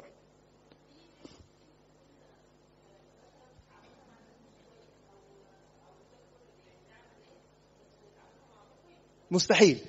هذا لا يكون. قولي. تظن أنها كذلك. كافرة الجميل وكافر الجميل وعدم الوف... وغير الوفي في الناس. إذا عبد الله يظن أنه يعبده يضحك على نفسه. والحديث حديث صحيح من لم يشكر الناس أو حديث من لا يشكر الناس لم يشكر الله حديث. يعني اشكر, اشكر الله كما تحب صباحا ومساء. تظن أنك تشكر لم تشكر أحدا. طيب الأسئلة يعني عندنا سنأخذ أسئلة وحبذا لو كتبت. آه لكي نمر على سائر ما جهزناه لأنه مهم. من الهدي النبوي للرجال أن يتعاملوا مع بهذه الفلسفة مع النساء. مرة من المرات كان لأمهات المؤمنين جمال يركبن عليها يجرها رجل ويحدو يعني يغني حداء للجمال حتى إيه تأنس في المشي. فاشتد حداء الرجل في سوقه للجمال. فصارت الجمال طربا تهتز اهتزازا شديدا بالهوادج فالتفت ذلك إلى ذلك رسول الله صلى الله عليه وسلم وكان رجل اسمه أنجشة. فقال له يا أنجشة ويحك أرفق بالقوارير. يقول فلسفة القارورة لا لا طبعا القارورة ليست عند العرب من بلاستيك. القارورة عند العرب تكون من زجاج. والقارورة الزجاجية سريعة التكسر. آه، سريعة التكسر. ولذلك أرفق بالقوارير. انظر المرأة سريعة التكسر. وعلى الر... ليس فقط بقى في أنجشة وجنجشة والجمال والبتاع لا والحياة والحياة والحياة. يا أيها الرجل تعلم هذا الهدي النبوي حينما تتعامل مع المرأة. ارفق بالقارورة حتى تعيش معك وحتى تعمر معك وحتى تعطيها ما عندك وحتى تأخذ منها أحسن ما عندها. ارفق بالقارورة. عاملها هكذا تخشى عليها أن يصيبها الإيه؟ آه الضرر. تخشى عليه. هذا المعنى أرفق بالقوارير. آه. بالمناسبة هذا ليس مع زوجك فقط. هذا مع النساء جميعا. هذا مع النساء ها؟ القوارير. القوارير جميعا. الحديث قدامك أهو. القوارير جميعا. أرفق بالقوارير. لكن القارورة التي تهمك لها اتصال بالحكم أكبر من اتصال القوارير الأخرى به. تمام؟ ها؟ آه أختك مراتك والدتك حتى لو كانت زميلتك في العمل. يعني حتى في القسوة حتى في ت... لا أرفق بالقوارير. وهذا من فساد المجتمع. لا ما هو للأسف الشديد إذا تحولت المرأة إلى غير قارورة فهذا فقد فسدت أنوثتها. وإذا عاملها الرجل على غير كونها قانون قارورة فقد ضاعت رجولته. إحنا للأسف فعلا فعلا حقيقة عندنا مشكلة حقيقية في آه، أن تكون الأنثى أنثى وأن يكون الرجل رجلا. دي, دي مشكلة يعاني منها المجتمع. وأنا أنصح كل إنسان أراد أن يتعبد الله قبل أن يتعبد الله أن يصلح من نفسه وأن يتحول إلى آدمي. فإن كان أنثى تعود إلى أنوثتها وإن كان رجلا يستمسك بفحولته. آه قال رسول الله صلى الله عليه وسلم لعن الله المرأة الراجلة والرجل المخنث. مجتمع ابن كلب. لكن علينا أن نتمسك بالسنة تمسكنا بالجمر المحترق في الآيات أنا عارف المجتمع فيه أوسخ منه. لكن علينا أن نتمسك بالسنة تمسك القابض على الجمر. أنا عارف اللي هتقولي لا أصلي ما إحنا عايش معك في مجتمع والعياذ بالله. ما دي مشكلة. إيه اللي دخل؟ يعني نعمل إيه بس؟ ما طبيعي واحدة دخلت كلية هندسة. يعني منين يعني هتظل؟ مستحيل طبعا. لكن لكن من جهة أخرى خلينا بس يا عم إحنا مش قاعدين في تخربوا بيوتنا بعد كده. لكن ما نقوله؟ هو ليس حراما عشان بس يبقى كلام دقيق. مش حرام إن المرأة تدخل كلية هندسة عشان ده حكم فقهي. لكن ثقافة أنا أسأل كيف هل ترى في ذلك حفاظا على كونها قارورة؟ هل الوصف النفسي والاجتماعي والأدبي الذي عند الذي في قلب رسول الله أنت بإحساسك كده البسيط من هذا المعنى النبوي هل الوصف يقوم في امرأة تتجاسر على حمل الحديد وتنافس في المسابقات الدولية في حمل الحديد وفي الرماية؟ هل هل هذا ما خلقت له النساء؟ بمعنى ده؟ هم دول الصحابة؟ الله يخليك استثناءات الصحابيات لا تجعلها قواعد. ما تجيش لصحابية زي الصحابية الجليلة صفية بنت عبد المطلب عمة رسول الله التي قتلت الرجل الذي كان يحوم بالدار بدار النساء بالعصاية قتلته بالعصا. وتيجي تقول لي ما هو النساء كانوا بيشاركوا في الجهاد. وهم ما شاء الله أقوياء. يا سيدي مش كده. ليس الجيش من النساء. وهي إن كانت قتلت فكتر ألف خيرها وعلى علم الرأس وهي عمتنا جميعا. لكن وإحنا لا ننتقص ابدا من قدرها قدرها عالي وشريف. لكن مش ده القاعدة ليست هذه القاعدة. ليس هؤلاء النساء ليس هذا الأصل. دي ضرورة. كالضرورة التي نقولها للمرأة حين تخرج للجهاد إذا دخل العدو البلاد. يعني إحنا قاعدين أهو فدخل العدو البلاد. بنقول للنساء إيه؟ جاهدنا هم كمان. هيعملوا إيه؟ هو هيجاهدوا إحنا. لكن هل هذا الأصل؟ لا لا لا لا تخلط أرجوك بين الأصل وبين الشذوذات. آه لابد أن نفرق بين هذا وذاك. أصلا من أهم من أهم القضايا العربية الإسلامية الثنائيات العربية الإسلامية التفرقة بين الأصل وخلاف الأصل. مهم جدا مهم جدا. اكتبي ورقة لأن في وقت للأسف نسمع كل الناس. من الهدي النبوي الذي انظروا إلى اللمسة صحابي جليل قام يخطب بهذا الحديث للناس يعلمهم في البصرة.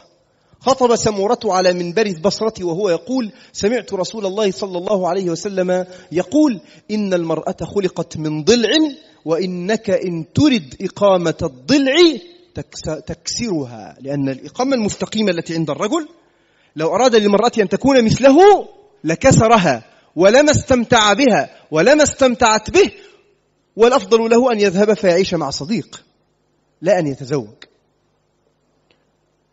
والرجل إذا عاش مع صديق ليس كالرجل إذا عاش مع امرأته.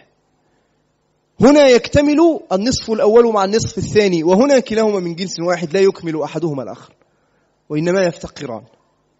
فهمنا هذا؟ ولذلك قال فدارها تعش بها. انظر حديث تحتاج أن تضعه في في في كل مكان تراه. فدارها تعش بها. ما معنى المداراة؟ يعني لا تكسر هذا الانحناء. هذا الانحناء موجود في الصدر في الضلع ليحمي القلب ولكي يكون لطيفا في التعامل معه. هذا الانحناء موجود في المرأة لتفهم عن الرضيع ما يريد وهو لا يبين. هذا الانحناء موجود في عاطفتها الجياشة التي ليس لك نصفها. فعليك أن تحافظ على هذه العاطفة وأن تداريها لكي تعيش بها. فلا تطلب منها أن تكون صارمة مثلك ولا دقيقة مثلك ولا محددة مثلك. وفي أصلا المرأة قبل كده صارمة ودقيقة ومحددة يعني تقول لك والله هات كذا بالظبط وكذا وروح وتعالى ولا وما جيتش. غلط غلط. ليس هذا الأصل ليس هذا الأصل. الصرامة والدقة والاستقامة والتحديد ليس هذا الأصل في النساء. الأصل جانب من السيولة جانب من العاطفية جانب من الامتياح. جانب من التداخل حسن التبعل. هو ده المعنى الأصلي. فدارها تعش بها تذكر ذلك. طيب حتى ننتقل إلى فكرة أخرى ولم يعد يبقى في الوقت كثير ويقل الكثير لكننا سنجيب إن شاء الله عن الأسئلة بعد انتهاء اللقاء. مهم جدا أن نطوف بهذه الأحكام بسرعة. الوسط المحيط. كيف الآن سأختار وما وسائل هذا الاختيار؟ انظر حولك. فكر في المتاح. في الأقارب في الدراسة في العمل في شبكة أنت متصل بها لأي سبب من الأسباب في اتصالاتك. كل ذلك يفتح لك آفاقا للتفكير من أين أختار. وهناك سؤال لا يمكن أن يجيب عنه فقيه ولا أن يجيب عنه عالم ولا أن يجيب عنه حكيم. أيهما أسبق؟ الحب أم الاختيار؟ يعني هل نتزوج ثم نتحاب أو نتحاب ثم نتزوج؟ والله عندنا حديث في الذين في اللذين تحابا وأن الرسول لا يرى لهما خيرا من الزواج. وعندنا تجارب كثيرة في الصحابة وغيرهم أنهما بعد أن تزوجا حصل لهما هذا الحب أو حصلت لهما هذه الألفة والمودة وحسن العشرة وما شابه. فأيهما أسبق؟ ليس شرطا أن يكون أحدهما أسبق أسبق من الآخر. ليس شرطا. أن تتزوج امرأة تحبها. وليس شرطا أنك إن أحببت امرأة أن تتزوجها. ليس شرطا. دائرة الحب دائرة مستقلة ودائرة الزواج دائرة مستقلة يتقاطعان في المتحابين اللذين تزوجا أو اللذين تزوجا ثم تحابا. فهل في الدنيا متحابين أو متحابان لم يتزوجا؟ أوهو! وهل في الدنيا من تزوجا ولم يتحابا أوهو وعلى الوجهين هذا يرضى عنه الشارع وهذا يرضى عنه الشارع ما لم ترتكب معصية بس. آه حب العاطفة قلبي يعني. يعني باختصار الضابط الشرعي الذي يرضى به الله به الله ويغضب به الله به الله هو إيه ارتكاب المعاصي أو اجتناب المعاصي. بس.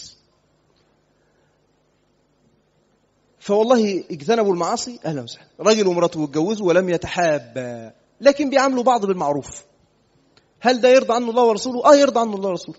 التصور اليوتيوبي بتاع الشباب الصغيرين اللي هو شباب إيه؟ والله إحنا لما نتجوز بقى هيبقى البيت كله قلوب ومش عارف ودباديب وحاجات كده وبتاع. هو تصور لطيف جدا وده حالة من حالات الزواج بس ده مش معناه إن كل البيوت كده بل النسبة الأكبر مش كده. طب ده ليه؟ والله إحنا شايفين الصحابة وشايفين التابعين وأنا مش بوصف لكم المجتمع اللي إحنا فيه أنا مش دعوة بالمجتمع أنا بتكلم على المجتمع الإيه؟ المثالي مش كده؟ المجتمع الأصلي. ولذلك آه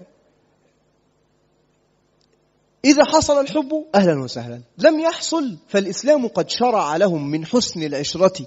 ومن أدب المعيشة ومن الستر ومن حسن التبعل ومن مطالب الحياة ما يكفل لهما أن يعيشا حياة هانئة. وإن لم يقع في قلبها وإن لم تقع في قلبه. حلو. مش ضروري يبقى حلو لكن يكفي أنه صحيح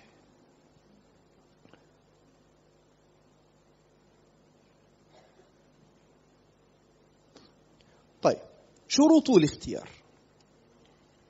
ده سؤال برضو؟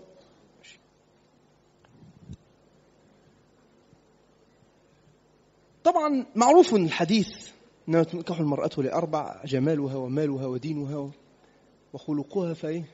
أو جمالها ومالها ودينها وحسبها أو نسبها فاظفر بذات الدين تربت هناك. صحيح الناس تبحث عن ذلك. لا يجتمع ذلك غالبا في امرأة. غالبا يعني.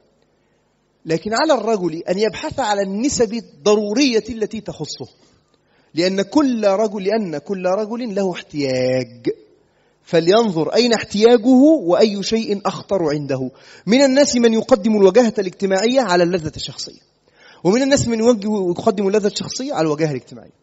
ومنهم من يقدم شيئا على شيء. كل منا يفكر بطريقة. فلينظر كل ما يكفيه.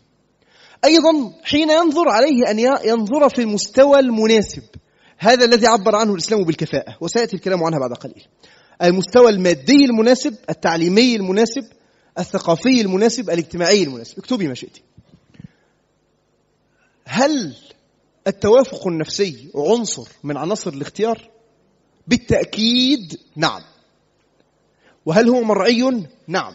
طب وأين نذهب بحديث إذا أتاكم من ترضون دينه وخلقه فزوجوه إلا إلا تفعلوا تكن فتنة في الأرض وفساد كبير. بكل بساطة لا تأثم المرأة ولا تخطئ شرعا ولا اجتماعيا إذا ردت رجلا لا تجد في نفسها قبولا له. المسألة دي يبدو أن في ناس كتير تسأل فيها ولذلك أنا قررتها بهذا العلو. بكل هدوء وكل بساطة حتى لا تتأثر بالمرأة المرأة لا تأثم. إذا ردت رجلا لا تجد في نفسها قبولا له. ده شرع ربنا كده. لا نكره أحدا على أن يستمر في المعيشة مع أحد. دي قاعدة تحطها في بالك. حتى بعد ما تجوزوا حتى. حتى لو خلفوا عيال. حتى لو أي حاجة. هي متضايقة تخلعه وهو متضايق يطلق. ما عندناش سلوك إن إحنا خلاص بقى الزواج الكاثوليكي المستقر لغاية لما اتنين يموتوا ويهلكوا وما يعرفوش حد فيهم يتخلص من التاني. التصور ده مش موجود في الإسلام. الإسلام لا يكره احدا على أن يعيش إلا شخص واحد بيكرهك على أن أنت تخدمه اللي هو مين؟ أبوك وأمك. بس. كبر في السن احتاج لك بت... ده غصب عنك ما فيش ده ما ينفعش تطلقه ولا تخلعه ولا تعمل له حاجة. غير بقى موضوع الأب والأم ما عندناش هذا الباب. فالتوافق النفسي من الاه من الأشياء التي عليها التعويل. ممكن. طب إنسان تن- تنازل قال مش مشكلة أنا متنازل عن المستوى التعليمي. أنا أريد أن أتزوجها مستوى مختلف. أنا أريد مستوى م- خلاص. إذا تنازلت فأنت متنازل. ولصاحب الحق يت- أن ينزل عن حق. اكتب القاعدة دي. لصاحب الحق أن ينزل عن حقه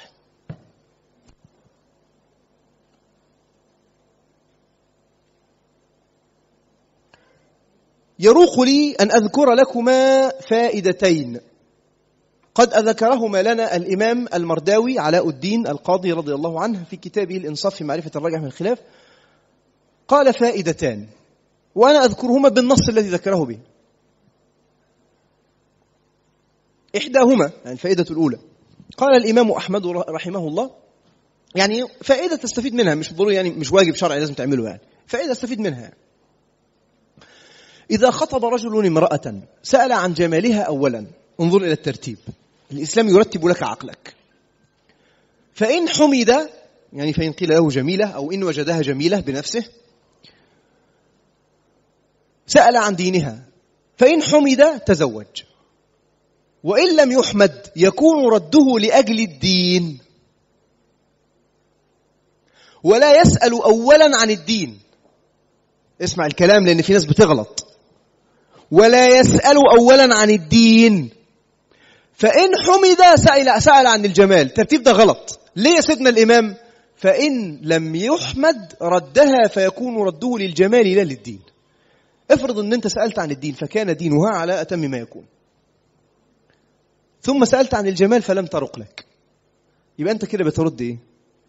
لكن لو سألت عن الجمال فلم ترق لك. خلاص تردها وتعرف دينها إيه؟ يعني إيه تعرف دينها إيه؟ يعني تسأل ال الوسط المتاح سؤاله من الأقارب الأصدقاء زملاء العمل الشركاء في الجمعية التي تعمل فيها في التطوع الذي تعمل فيه مدير أستاذ لها أحيانا لو لك علاقة بأخ لها بقريب باي يعني من أي طريقة من طرق. التواصل أو معرفة المعلومات تتساءل عن ذلك. ممكن التساؤل يكون عن أن تنظر بنفسك إليها. ما فيش مشكلة خالص. فتشوف جمالها هي جميلة ولا لا. ما فيش مشكلة خالص. لكن الفكرة إيه؟ دين وجمال. فأنت كيف ترتب لنفسك؟ سيدنا الإمام أحمد بيساعدك في أن أنت ترتب لنفسك. ده مش واجب شرعي بس بيحاول إيه؟ يعلمك يعني كيف تتعامل مع المطلوبات. الفائدة الأخرى قال ابن الجوزي ومن ابتلي بالهوى فأراد التزوج ده فقيه اللي بيتكلم ده مش شاعر. فأراد التزوج فليجتهد في نكاح التي ابتلي بها. يعني يجتهد في أن ينكح, أن ينكح المرأة التي إيه؟ وقعت في قلبه وتعشقها. إن صح ذلك وجاز. إن صح ذلك في الشرع يعني. يعني ربما وقع في قلبه امرأة ثم تزوجت. طب خلاص هيعمل إيه؟ ده لا يصح له ولا يجوز. وعندنا حديث لعن الله من خبب امرأة عن زوجها. يعني واحدة متجوزها. أي حد بيحاول يراودها ولا حتى يزين لها أن تتطلق عشان يتجوزها ولا ده, ده ملعون. على طول كده. الحديث هنعمل له إيه؟ الحديث كده. طيب. وإلا طب الراجل للأسف الشديد المرأة التي أحبها لا يستطيع أن يتزوجها. يعمل إيه؟ قال فليتخير ما يظنه مثلها.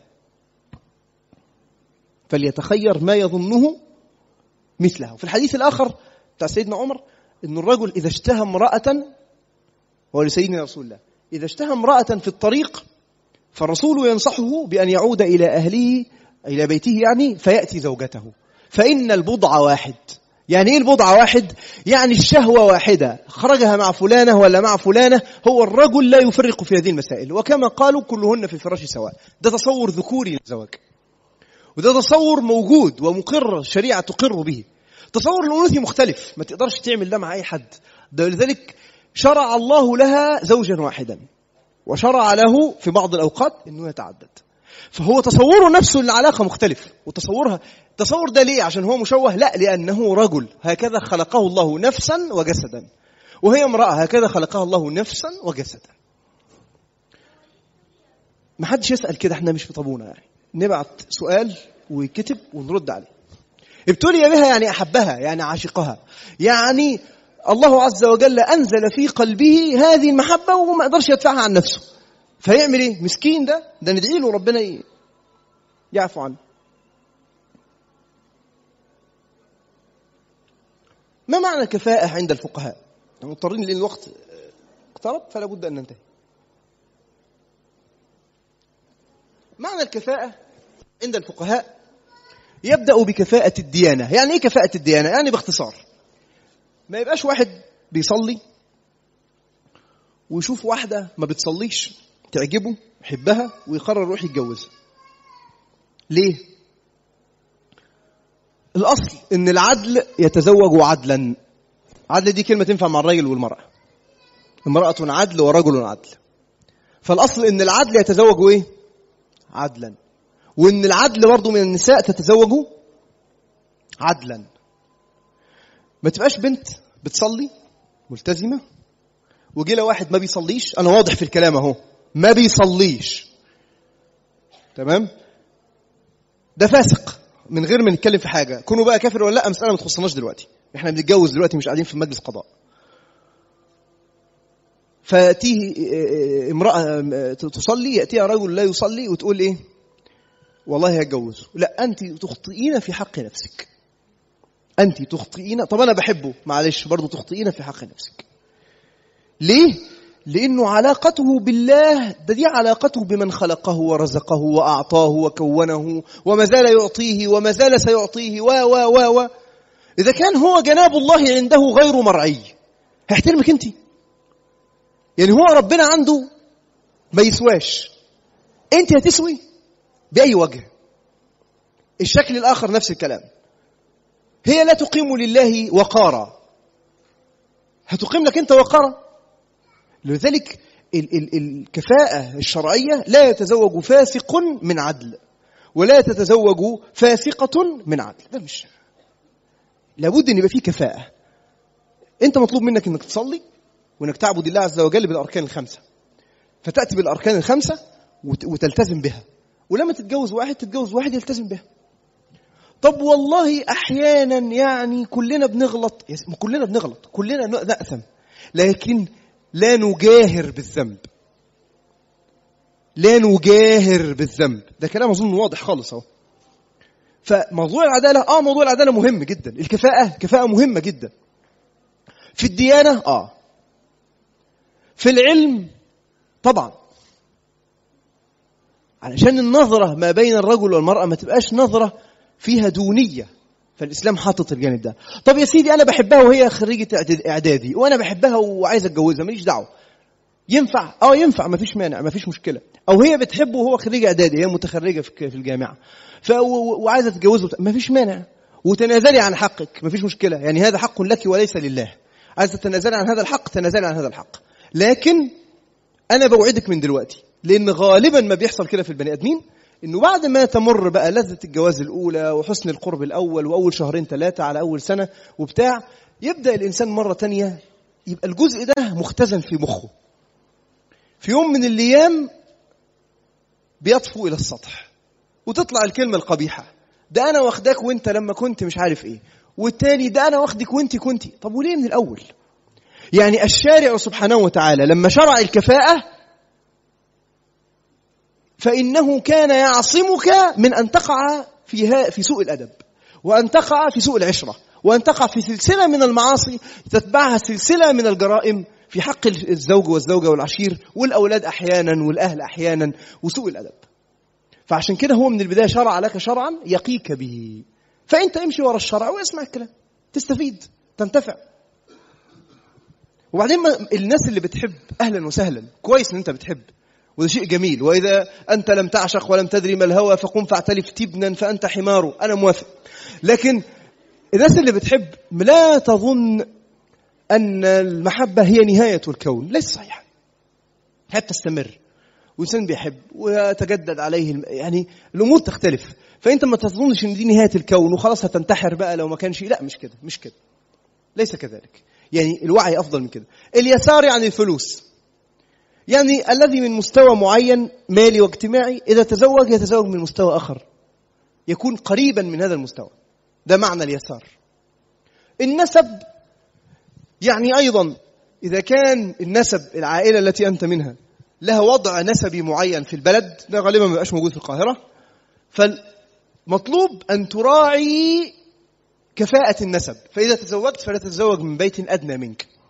يعني لو فتاة تتجوز ما تتجوزش واحد أدنى منها. لأن العقد ده هيبقى فيه مشكلة بعد كده. لأنه لابد من رضاها ورضا أهلها جميعا. ليه؟ لأنه الزواج يعود على الأهل كما يعود على الفتاة. نظرية إن إحنا الاثنين بنحب بعض وعايزين نتجوز وأنتم مالكم النظرية دي غربية. ليست موجودة عند المسلمين. المسلمين عندهم مرأة لها أم لها أب لها أخ لها أهل تخطب منهم يزوجونها.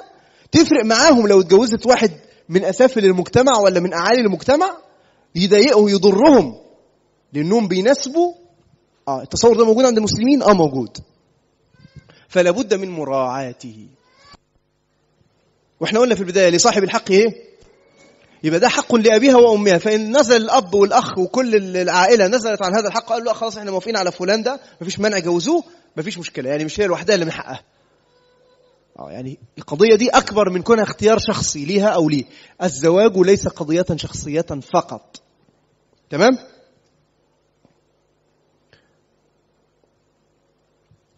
طب كيف سأتعارف على هذه الفتاة التي خطبتها؟ أنا دلوقتي الحمد لله اخترت فتاة. طبعا عندنا في بعض المذاهب الفقهية يقول والله يفضل أن الفتاة دي تبقى أجنبية عنه ما تبقاش قريبة. قريبة له ما يتجوزش بنت عمه بقى ما يروحش بتاع. ليه؟ قالوا علشان خاطر لأسباب كثيرة. حتى إذا طلقها لم يقطع رحمه. وده وارد يحصل. فإحنا نخرب البيت ونقطع الرحم. ده الرحم ده أهم من البيت. الرحم ده جنة ونار. على طول كده. مش الله عز وجل خطب الرحم وقال من وصلك وصلته ومن قطعك قطعته. يعني يبقى مقطوع عن الله. بقى يقطع رحمه ويكره بقى عمه ويتخانق معاه اللي اتجوز بنته. ولذلك قالوا الأولى مش واجب شرعي ولا حاجة ده هو مندوب بس. إنه إذا تزوج بلاش العادة دي الله يخليكم. عادة مش كويسه الشرع مش مبسوط منها العادة دي. لكن خلاص واحد اتجوز بنت عمه جائز إحنا هنقول له حرام جائز مفيش مشكلة. طيب كيف سيتعارف إحنا عندنا اجمالا عليهما أن يتعارفا إحنا عايزينهم يقتربا بعض اقتراب. مع الحفاظ على كونه اجنبيا وكونها أجنبية لكن إيه؟ بعض اقتراب. يسأل عنها من يعرفها ممكن جدا. ممكن يسألها هي نفسها أسئلة مباشرة ممكن إذا كانت المساحة الاجتماعية تسمح بذلك. وإحنا كلنا كبار وفاهمين يعني فاهمين إنه يكون في مساحة اجتماعية سامحة بالحديث في مثل ذلك. ما يتنشنش بقى الواحد لما يتكلم في الموضوع ده وإيه لا يعني اتكلم لا بأس. لكن إيه طالما في حدود الأدب العام ما حدش ينكر عليك. احذر من أن تخطب على خطبة أخيك. يعني انتبه وأنت بتختار إن البنت اللي أنت هتخطبها ليست إيه مخطوبة. وسيبك بقى من الدبل وجع القلب ده. انتبه إلى التقريرات اليقينية. هي مخطوبة ولا لا؟ لو مخطوبة اوعى تقرب. ليه حرام؟ يحرم للمرء أن يخطب على خطبة أخيه. ده حرام. فتأثم وتترتب عليه مشاكل كبيرة. فأنت احذر من ذلك. طب يعني إيه بقى؟ كيف يراها؟ يعني إيه رؤية شرعية بقى وبتاع؟ هو الأول يسن له أنه يصلي استخارة. صلاة الاستخارة دي سهلة. هيقوم يصلي ركعتين لله عز وجل يتوضأ ويصلي ركعتين ركعتين لله عز وجل. مثلا يصلي العشاء وبعدين يصلي ركعتين لله عز وجل وبعد ما يصلي ركعتين يقول الدعاء المشهور بتاع الاستخارة اللي هو اللهم إني أستخيرك بعلمك وأستقدرك بقدرتك وأسألك من فضلك العظيم فإنك تعلم ولا أعلم وتقدر ولا أقدر وأنت علام الغيوب. اللهم إن كنت تعلم أن زواجي من فلانة خير لي في ديني ومعاشي وعاقبة أمري خيرا لي في ديني ومعاشي عفوا خير خير لي في ديني ومعاشي وعاقبة أمري فاقدره لي ويسره لي وعني عليه. وإن كنت تعلم أن زواجي من فلانة شر لي في ديني ومعاشي وعاقبة أمري فاصرفه عني واصرفني عنه واقدر لي الخير حيث كان ثم ردني به. حديث جميل جدا. لما تقوله دعاء تقوله تتقرب به إلى الله تسيب أمرك لله عز وجل. طب أنا بعد ما دعيت الدعاء أعمل إيه؟ قوم اتجوزها إن وجدت الأمر ميسر فالتيسير مظنة الإذن. اكتب القاعدة دي. التيسير مظنة الإذن. الإلهي يعني. طب لقيت الدنيا معقدة حاول شوية كمان. إذا العملية عقدت خالص أعرف إن ربنا سبحانه وتعالى يمنعك عنها عن ذلك. وحاول كده أن تفهم عن الله. مش ضروري بقى تستنى حلم يجي لك والكلام ده. يعني موضوع مش محتاجة تمام؟ طيب. إيه الرؤية دي بقى؟ إيه ضابط الرؤية دي يا سيدي؟ لو سمحت عايزين حاجة نعرف بيها موضوع الرؤية. هنعرف دلوقتي يجي لنا ضابط في المسألة دي. أنا ما ما الذي أحتاج أن أسأل عنه أيضا؟ أحتاج أن أسأل أيضا كل ده؟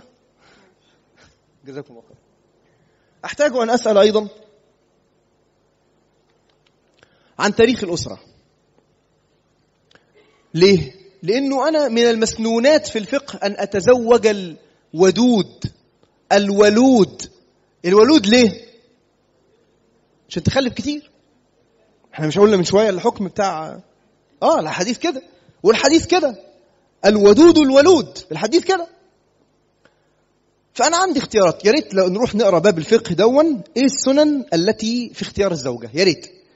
وبرضه المرأة تقرأ إيه السنن الموجود في اختيار الزوج. سنن مندوبات مش لازم نعملها بس كويس نعرفها ممكن نعملها ده باب نروح نقرأ في الفقه. طيب أتتبع الأخبار. ليه؟ والله لو طلع أبوها نشال وأخوها نشال واختها مش عارف لا مؤاخذة ومش عارف إيه وبتاع طب أنا هتجوز دي اعمل بيها إيه؟ هي إنسانة طيبة وصالحة وجميلة وزي الفل. لكن في الآخر البيئة التي نبتت فيها بيئة مخيفة. الشرع الشريف حريص على إنك ما تتورطش. ليه؟ إياك وما يعتذر عنه. اكتب القاعدة دي. إياك وما يعتذر عنه. دايما قدر مآلات الأمور. إياك وما يعتذر عنه. قاعدة حطها في بالك. مش بس في الجواز وفي كل شيء. إياك وما يعتذر عنه. مرة كمان اهي فلذلك إيه؟ أنت هتعيش حياة طويلة مع تلك المرأة. ما بنقولش نظلمها لكن بنقول إيه؟ لابد أن تسأل أن تعرف أين تضع قدمك. آه قدر لرجلك قبل الخطو موضعها موضعها فمن على زلقا عن غرة زلجة. حط رجلك على طين تلاقي رجلك اتزحلقت. وعلى إيه؟ شوف الأول أنت تحط رجلك فين. اعرف أنت تعمل إيه. من الذين تضع يدك في أيديهم. لأن إحنا زي ما قلنا الزواج في عند المسلمين مش واحد واحدة حبوا يتجوزوا فقرروا يتجوزوا ده مش عند المسلمين. المسلمين مش كده. المسلمين في عندهم ولي في عندهم ناس في عندهم أهل. دول أنت بتحط إيدك في إيديهم وأنت بتتجوز. فلازم دول تبقى أنت فاهم هم بيعملوا إيه. طيب هل ممكن إن أنا أزورها؟ بعد ما خطبنا بعض. ممكن أزورها؟ آه ممكن أزورها. ونقعد نتكلم مع بعض؟ آه يجوز. شرعا يعني؟ أيوه يجوز. طب نقعد نتكلم مع بعض في إيه؟ نتكلم مع بعض في كل المسائل التي نريد أن نتكلم فيها. طالما في حيز عام من الاحترام والأدب وأكيد ده في حيز عام من الاحترام والأدب لأن أنت مش رايح بيت دعاره أنت رايح تتجوز. فأنت هتروح تتكلم معاها بكل احترام وأدب وتقول لها والله يعني أنا بس عايز أفهم إيه تصورك عن موضوع تربية الأبناء؟ طب والله أنت عايزة تشتغلي بعد ما تتجوز ولا ما تشتغليش؟ ولا أنت بتحبي ده ولا طب أنت هتكملي دراسات عليا طب لأ. طب ماشي. طب أنا بحب كذا في الدنيا. أنا مش عارف بميل إلى كذا. أنا أحب إن البيت يبقى ظروفه كذا. أنا برجع دايما من شغلي في الوقت الفلاني. مش هل ده مناسب؟ مش مناسب؟ طب إيه اللي أنت متخيلاه؟ في الأول شوية كسوف ما فيش مانع. الحياء كويس وده كويس. طيب ينفع يقعدوا مع بعض لوحديهم؟ آه لكن من غير خلوة. يعني بكل شياكة كده يقعدوا مثلا في الصالة ولا بتاع وبيت الأهل موجودين في بيت الشقة وخلاص على كده. يعني مش ضروري يبقوا قاعدين معاهم. ومش ضروري في نفس الوقت يقفلوا على نفسهم الباب.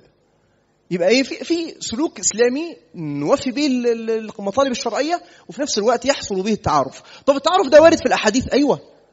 فإنه أحرى أن يؤدم بينكما. إنه يبقى في ايدام عارف يعني إيه يؤدم؟ يعني عيش وملح. أكل يعني. ايدام اللي هو بيتغمس بيه. بامية. ملوخية. ده اسمه ايدام تمام؟ فإنه فانظر إليها فإنه أحرى أن يؤدم بينكما. يعني الايدام ده أن يؤدم بينكما ده الأفضل إنه يحصل قبل الزواج. فعشان كده الشرع طب التأمل في المواقف وتحليل الأحداث جزء من عملك. تحديد الطباع التي لا يمكن تجاوزها في المخطوبة. لابد أن يبقى عندك نقط تقف عندها. اجمالا دي نصائح عامة. لما تجد خلق تعرف أنه لا يزول بسهولة يفضل إن أنت ما تقررش إن أنت تزيله. ولا تتجوزش واحدة وتقول إن شاء الله بعد الجواز تتغير. أرجوك انسى هذا التخريف. ده مش موجود. ولا هي تتجوز واحد وتقول معلش هو إن شاء الله بعد الجواز هيبطل سجاير أصل هو بعد الجواز مش عارف هيقرر إنه مش عارف يعمل إيه. لا. اللي هيعمل حاجة يعملها قبل ما يتجوز. ما يستناش لما يتجوز. وما ياخدش واحدة وينتظر إنها تتغير بعد الزواج. ده ده مش سهل ومش طبيعي ومش ده اللي بيحصل في في العادة. وما تورطش نفسك في معادلة أنت مش مالك أطرافها. كن حصيفا. وافتكر الحديث إياك وما إياك وما. أيضا من الطباع التي عليها أن تنتبه إليها في الخاطب البخل الكبر الكذب الناحية الثانية العناد الغرور. طبعا بالمناسبة الخلفيات دي أنا ما اخترتهاش ماليش علاقة بيها. طيب ضوابط لابد أن نقف عندها بسرعة. المخطوبة دي إيه حكم التعامل معاها؟ أجنبية. يعني إيه؟ يعني زيها زي أي امرأة أخرى أجنبية ماشية في الشارع. يعني هي أجنبية؟ أيوة هي أجنبية. ظلت أجنبية؟ أيوة أجنبية. نعم أجنبية. على المذاهب الفقهية كلها؟ أيوة أجنبية على المذاهب الفقهية كلها.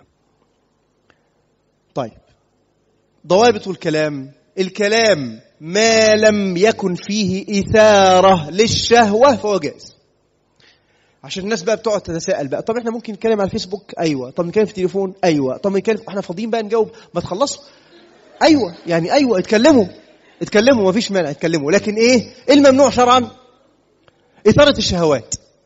إثارة الشهوات حرام. طب هي بتتكلم عادي بس أنا بتثار شهوتي. لما تتكلم عادي وتثار شهوتك اقفل التليفون. طب إحنا بنتكلم عادي دلوقتي مفيش حاجة مفيش إثارة شهوات يبقى خلاص. عادي. طب ينفع أقول أعبرها اعبر لها مشاعري؟ أيوه ينفع. لكن بقيد إيه؟ عدم إيه؟ يعني قال لها أنا بحبك. يجوز؟ أكتر من كتب لها قصيدة. يجوز؟ أيوه يجوز. هي عايزة تقول له كده. يجوز؟ أيوه يجوز. لكن بضابط إيه؟ إيه الضابط اللي لسه قايله؟ عدم إيه؟ أيوه. تاني كده. إيه الضابط؟ عدم إثارة الشهوات. الريبة. أي حاجة تدخل على باب الزنا. ده حرام. خلينا بقى الاسئله لما نخلص خالص لما نخلص خالص. ضوابط الزي.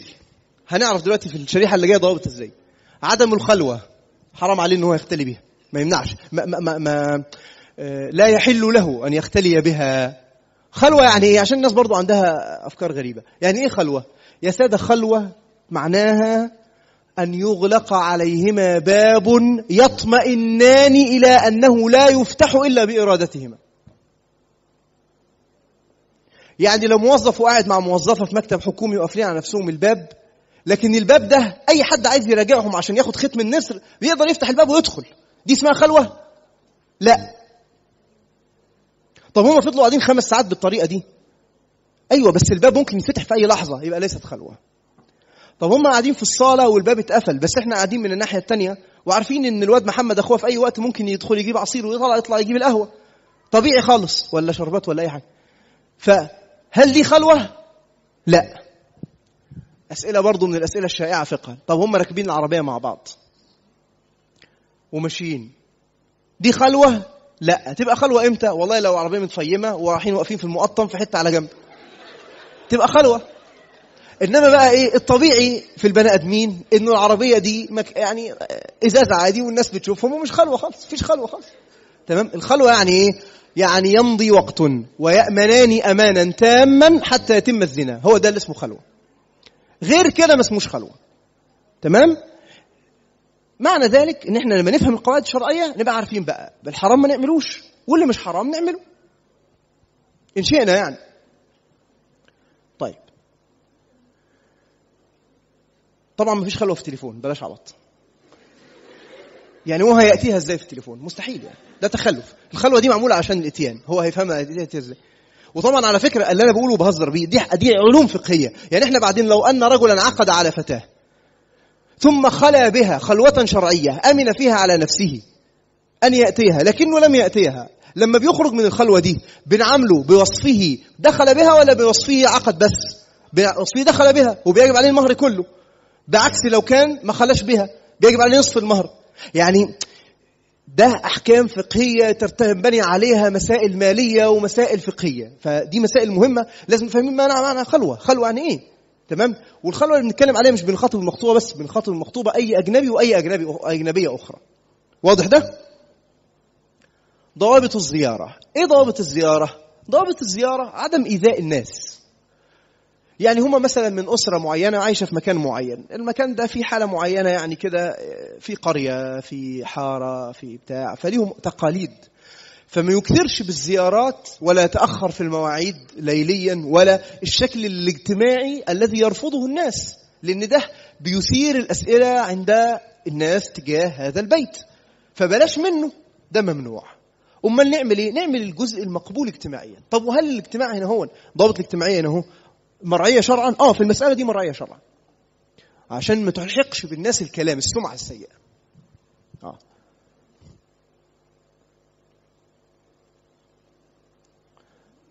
اكتب الكلام اللي قدامك ده.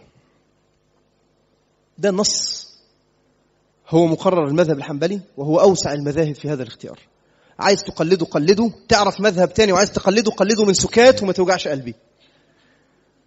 ما تعرفش مذهب تاني أنا جبت لك الحكم أهو. النص ده تكتبه قدام منك وتلتزمه لما تيجي تخطب إن شاء الله. أنت بقى من مذهب تاني التزم المذهب بتاعك. بس ما تجيش تشغب علينا. إيه النص ده؟ يباح لمن أراد خطبة خطبة امرأة. أظن واضحة لغاية دلوقتي. وغلب على ظنه إجابته. يعني إيه غلب على ظنه إجابته؟ يعني مش مثلا ابن البواب وقرر إن هو يتجوز واحد واحدة آه، ساكنة في القصر اللي جنب منهم اللي هو بيحرسه. طبعا ده لا يغلب على ظنه إجابته. لكن يغلب على ظنه إجابته لما يكون مثلا آه، واحد في الشغل ودي زميلته. فممكن يغلب على ظنه إجابته. يغلب عادي يعني يجي هي ممكن ما ما ترضاش. لكن هو إيه؟ غلب على ظنه إنه اجاب إلى طلبه. يباح له إيه؟ الراجل ده مجرد ما عنده النية دي. هو لا عقد ولا راح البيت ولا حاجة ولا كلمها لكن هو هو عنده النية دي. يباح له إيه؟ نظر ما يظهر منها غالبا. وإيه اللي يظهر منها غالبا؟ الوجه. إحنا عارفين الوجه. والرقبة. عارفين الرقبة. ويد اللي هي دي.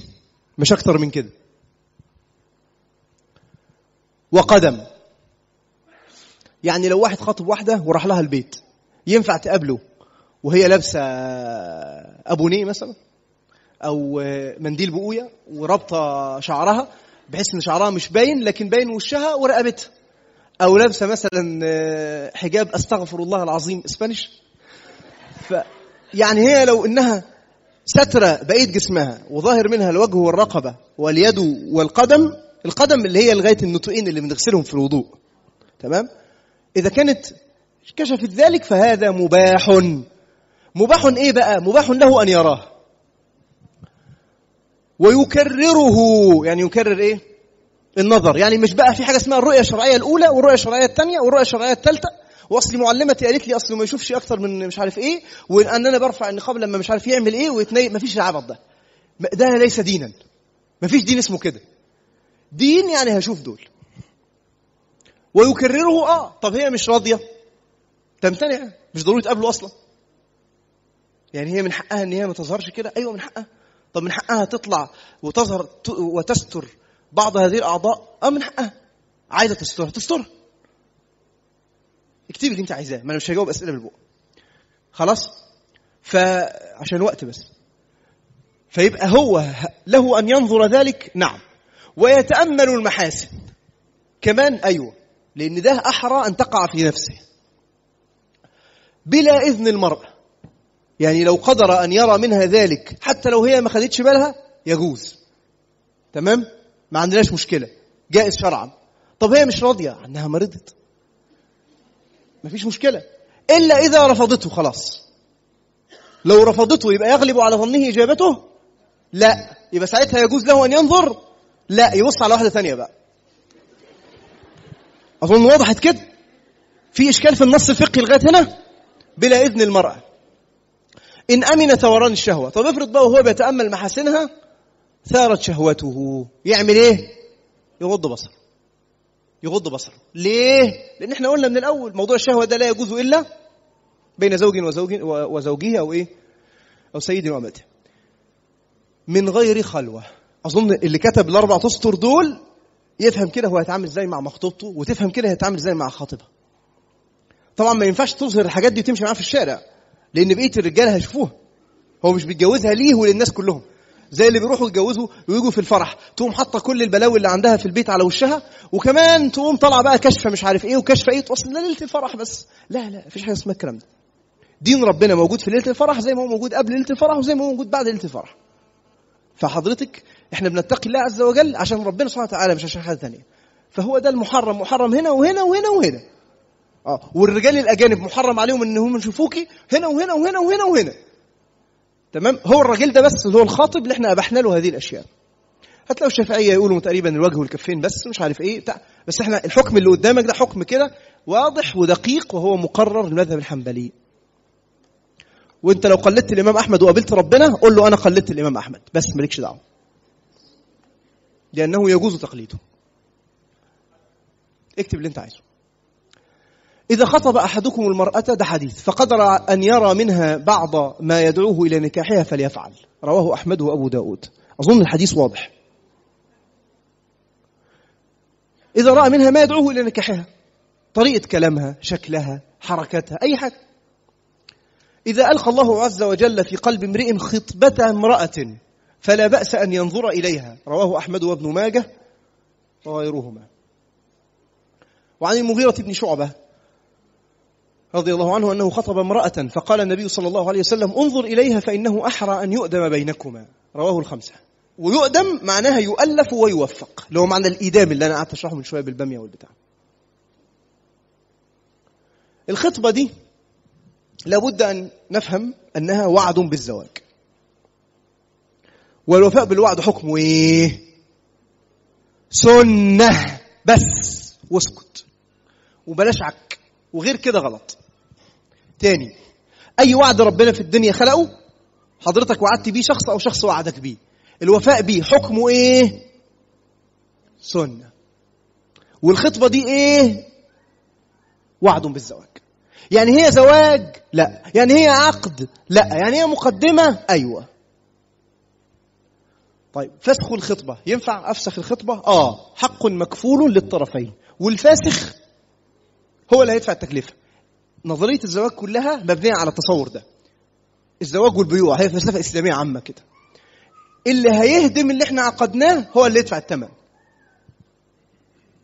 تمام؟ الهدايا وأحكامها. لو إنه امرأة قررت أن تفسخ العقد. تفسخ العقد وترد الهدايا. طب مين الهدايا التي ترد؟ الهدايا التي أهداها إياها على نية النكاح. يعني أهداها, أهداها زجاجة عطر أهداها حاضر. أهداها كل ده ترده على نية النكاح. آه. لكن افرض إن هم أصلا في العادة كانوا بيتهادوا واحد وبنت عمه وكانوا طبيعي بيتهادوا لأسباب أسرية كويسة عادية. أو هو اهداها هدايا مما تفوت. زي إيه؟ جاب لها مثلا أكل مرة من المرات. دخل عليهم مثلا طبق مش عارف حلويات. وأكلوه. هل ده بيرجع؟ ده ما بيرجعش. أمال إيه اللي بيرجع؟ أظن واضحة دي. الهدايا التي أهديت على نية وهو برضه. لو هو قرر إن هو يفسخ العقد وهي كانت اديته هدايا يعمل إيه في الهدايا دي؟ حكم الشبكة. باختصار شديد يجوز إن المرء يهدي زوجته شبكة اللي هي عندنا اسمها شبكة اللي هي شوية ذهب كده وبتاع. الإجابة نعم يجوز. هل هي من المهر؟ الإجابة لا. بس خلاص. هدية اداها هدية. طب افرض ان هم اداها شبكة وبعدين قررت ان هي تعمل إيه؟ تفسخ النكاح. هو ما فيش نكاح لسه اداها الشبكه وقررت تفسخ الخطوبة. تعمل إيه؟ اللي عايز يكتب المراجع يكتب المراجع. الوقت بتاعنا انتهى لكني سأقرأ الأسئلة بتاعتكم على عجل وأستميح السادة الإداريين عذرا في عشر دقائق مثلا نجاوب فيها بسرعة على النظر إلى شعر المرأة في الرؤية الشرعيه حرام الشعر حرام. يشوف اللي أنا قلت عليه.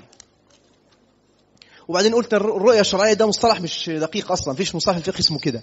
هو يشوفها عادي يزورها مرة واثنين وثلاثة مفيش مشكلة. ويخطبها ويفضل يزورها مرة واثنين وثلاثة ويزيد مفيش مشكلة. ويشوفها في كل ده مفيش مشكلة. مفيش حاجة اسمها الرؤيه الشرعيه اللي هو شاف مرة و... لا مفيش ده. لو أراد أن مش عارف إيه إلى يدها وقدمها ينظر إلى يدها وقدمها وهي مخطوبة له ورفضت فما الحل؟ يحتال لها. يشوف مكان يشوف طريقة يقدر يشوف بيها وجهها وقدميها. لو عايز يشوفها في صورة مفيش مانع. هل تفنن النساء بلبس الرجال. إيه؟ هل إيه؟ تفتن. النساء بلبس الرجال. آه أحيانا بس ده نادر. صح بيحصل. بس ده مش ده نادر يعني مش الأصل كده. ليه؟ اكتبوا بالفصحى يا جماعة.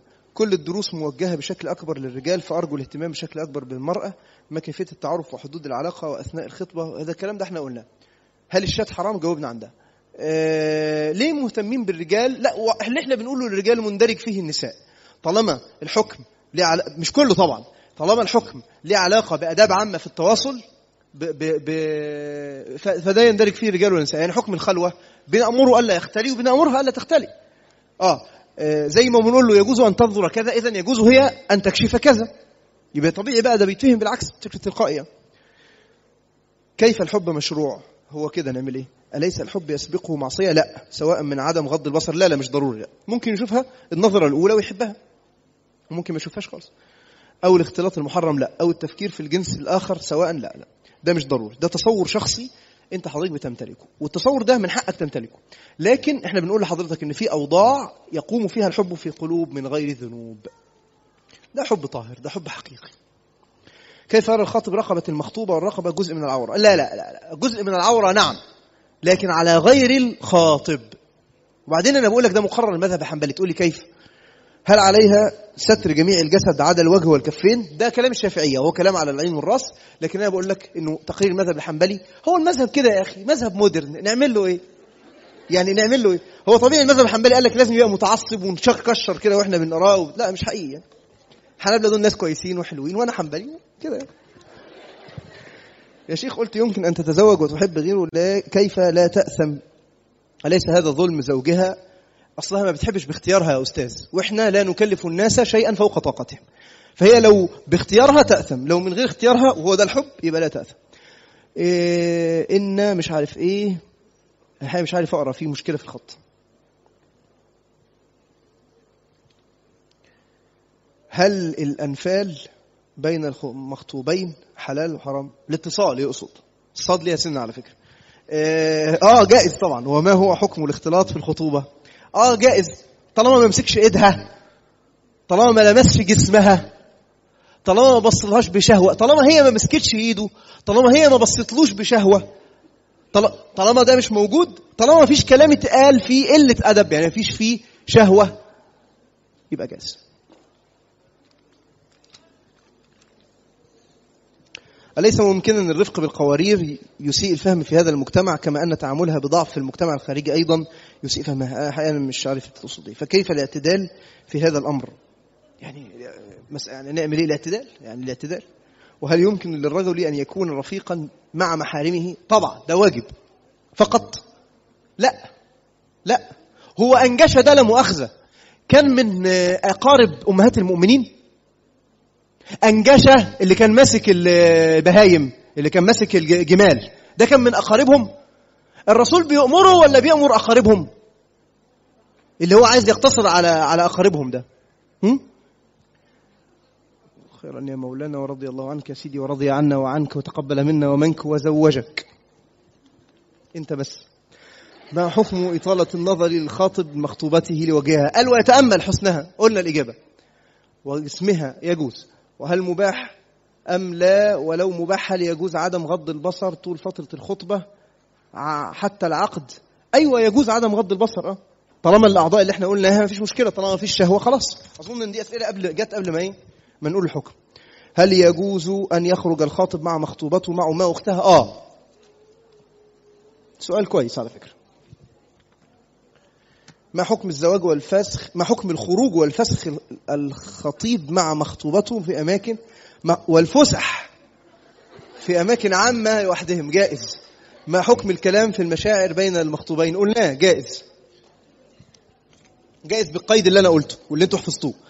هل يجوز للخطيب والمخطوبة الخروج معا في مكان عام؟ قلنا ده جائز. طب لو حد من الأهل معاهم بس سابهم لوحدهم شوية جائز برضه كل ده جائز. طالما الأداب العامة موجودة ما مسكش ايدها ما بصلهاش بشهوة مش عارف إيه حطش إيده على كتفها إلى آخره يعني. لما الخاطب يقول للمخطوبة كلام حلو مثل بحبك وحشتيني والكلام ده هل ده حلال ومش عارف سيبش إثارة الشهوة؟ لا حلال. وهل الكلام يثير الشهوة غالبا؟ مش غالبا أحيانا. لما يلاقيه بيثير الشهوة لما يقعد يتكلم عن أوصاف جسدية وبتاع ويبدأ الموضوع ده يدخل في مساحة من الشهوة ده يبقى حرام. أخي عاق لوالديه. لا إله إلا الله. وفي مرة دعا عليهم بالموت قدامهم. بس هو ساعتها كان في حالة حاله غير طبيعية. هل عليه إثم؟ طبعا. وأعمل إيه علشان أخليه بر بوالديه؟ انصحه. انصحه لله عز وجل. خوفه بالله عز وجل. علمه. يعني اذكر له بعض الأحاديث النبوية تتكلم عن الآيات. يعني يعني خليه يصلي لو ما مش بيصلي. خليه يقرب من ربنا. أي حاجة. إنما العقوق العقوق ده جهنم. عقوق اللي أبوه يموت وهو غضبان عنه عليه وهو عاقل أبوه وأمه ده رايح فين؟ هو مستني إيه في الدنيا؟ جهنم. يعني ما يحاولش. أصل فرصته فاتت خلاص. يعني فرصة خلصت خلاص. الراجل مات. يعمل إيه؟ يقعد يستغفر له ويصلي ويصوم ويتصدق ويعمل ويقف على شعره ويدخل جهنم برضه.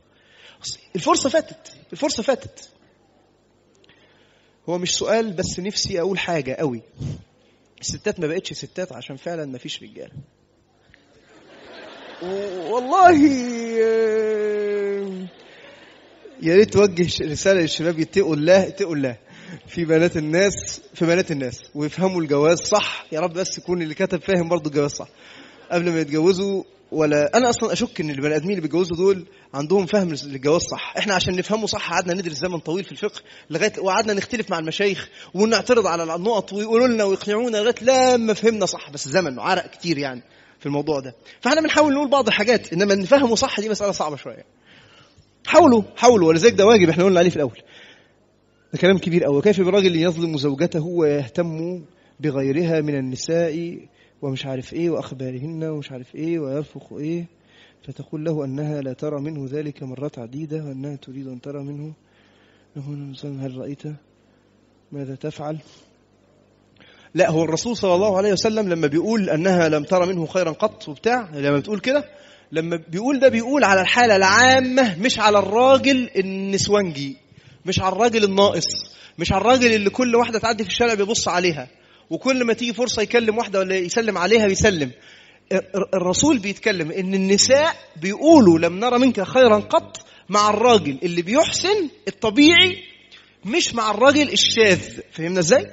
فهي اللي حالتها كده دي لا لا يحب الله الجهر بالسوء إلا إلا بس كده. وساعتها هي مش محتاجة أصلا تكمل معاه.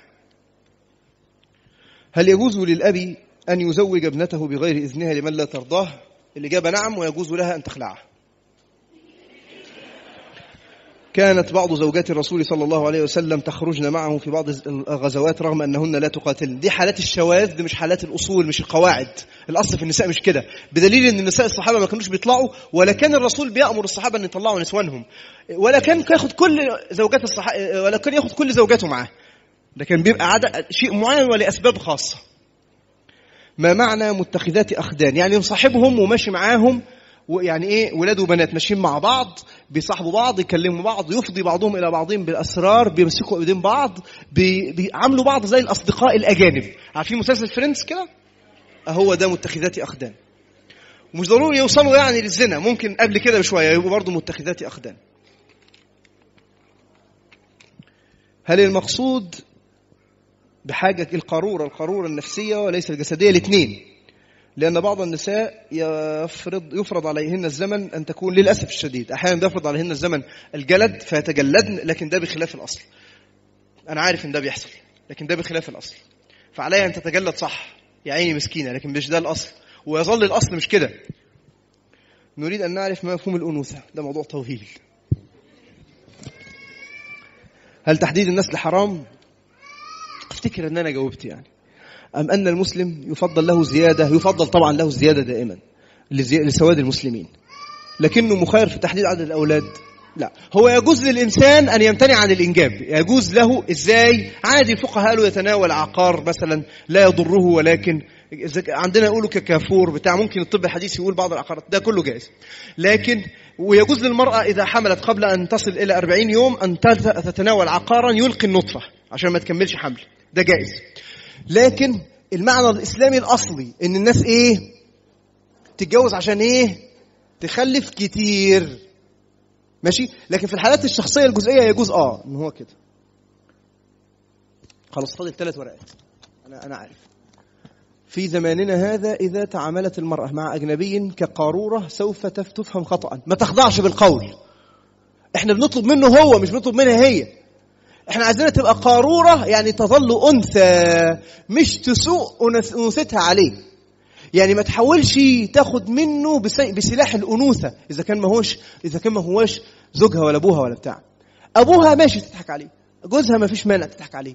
إنما الأجنبي ولا يخضعن بالقول فيطمع الذي في قلبه بس كده. ما فائدة عدد الأولاد الكتير والأم لا تستطيع أن تربي هذا العدد؟ هي اللي متوهمة أنها لا تستطيع. ربنا سبحانه وتعالى مديها القدرة وكل حاجة بس هي تعزم وهي ما بتربيش اللي بيربي ربنا. هي عليها إن هي تعمل الحاجات البسيطة وربنا هو الذي يصوغ نفوس الناس وهو الذي يقلب قلوب الخلق. هل لبس ألوان عديدة في الحجاب حرام؟ لا طبعا لأنه يلفت النظر لو كان بقى أصفر فسفوري وأحمر منور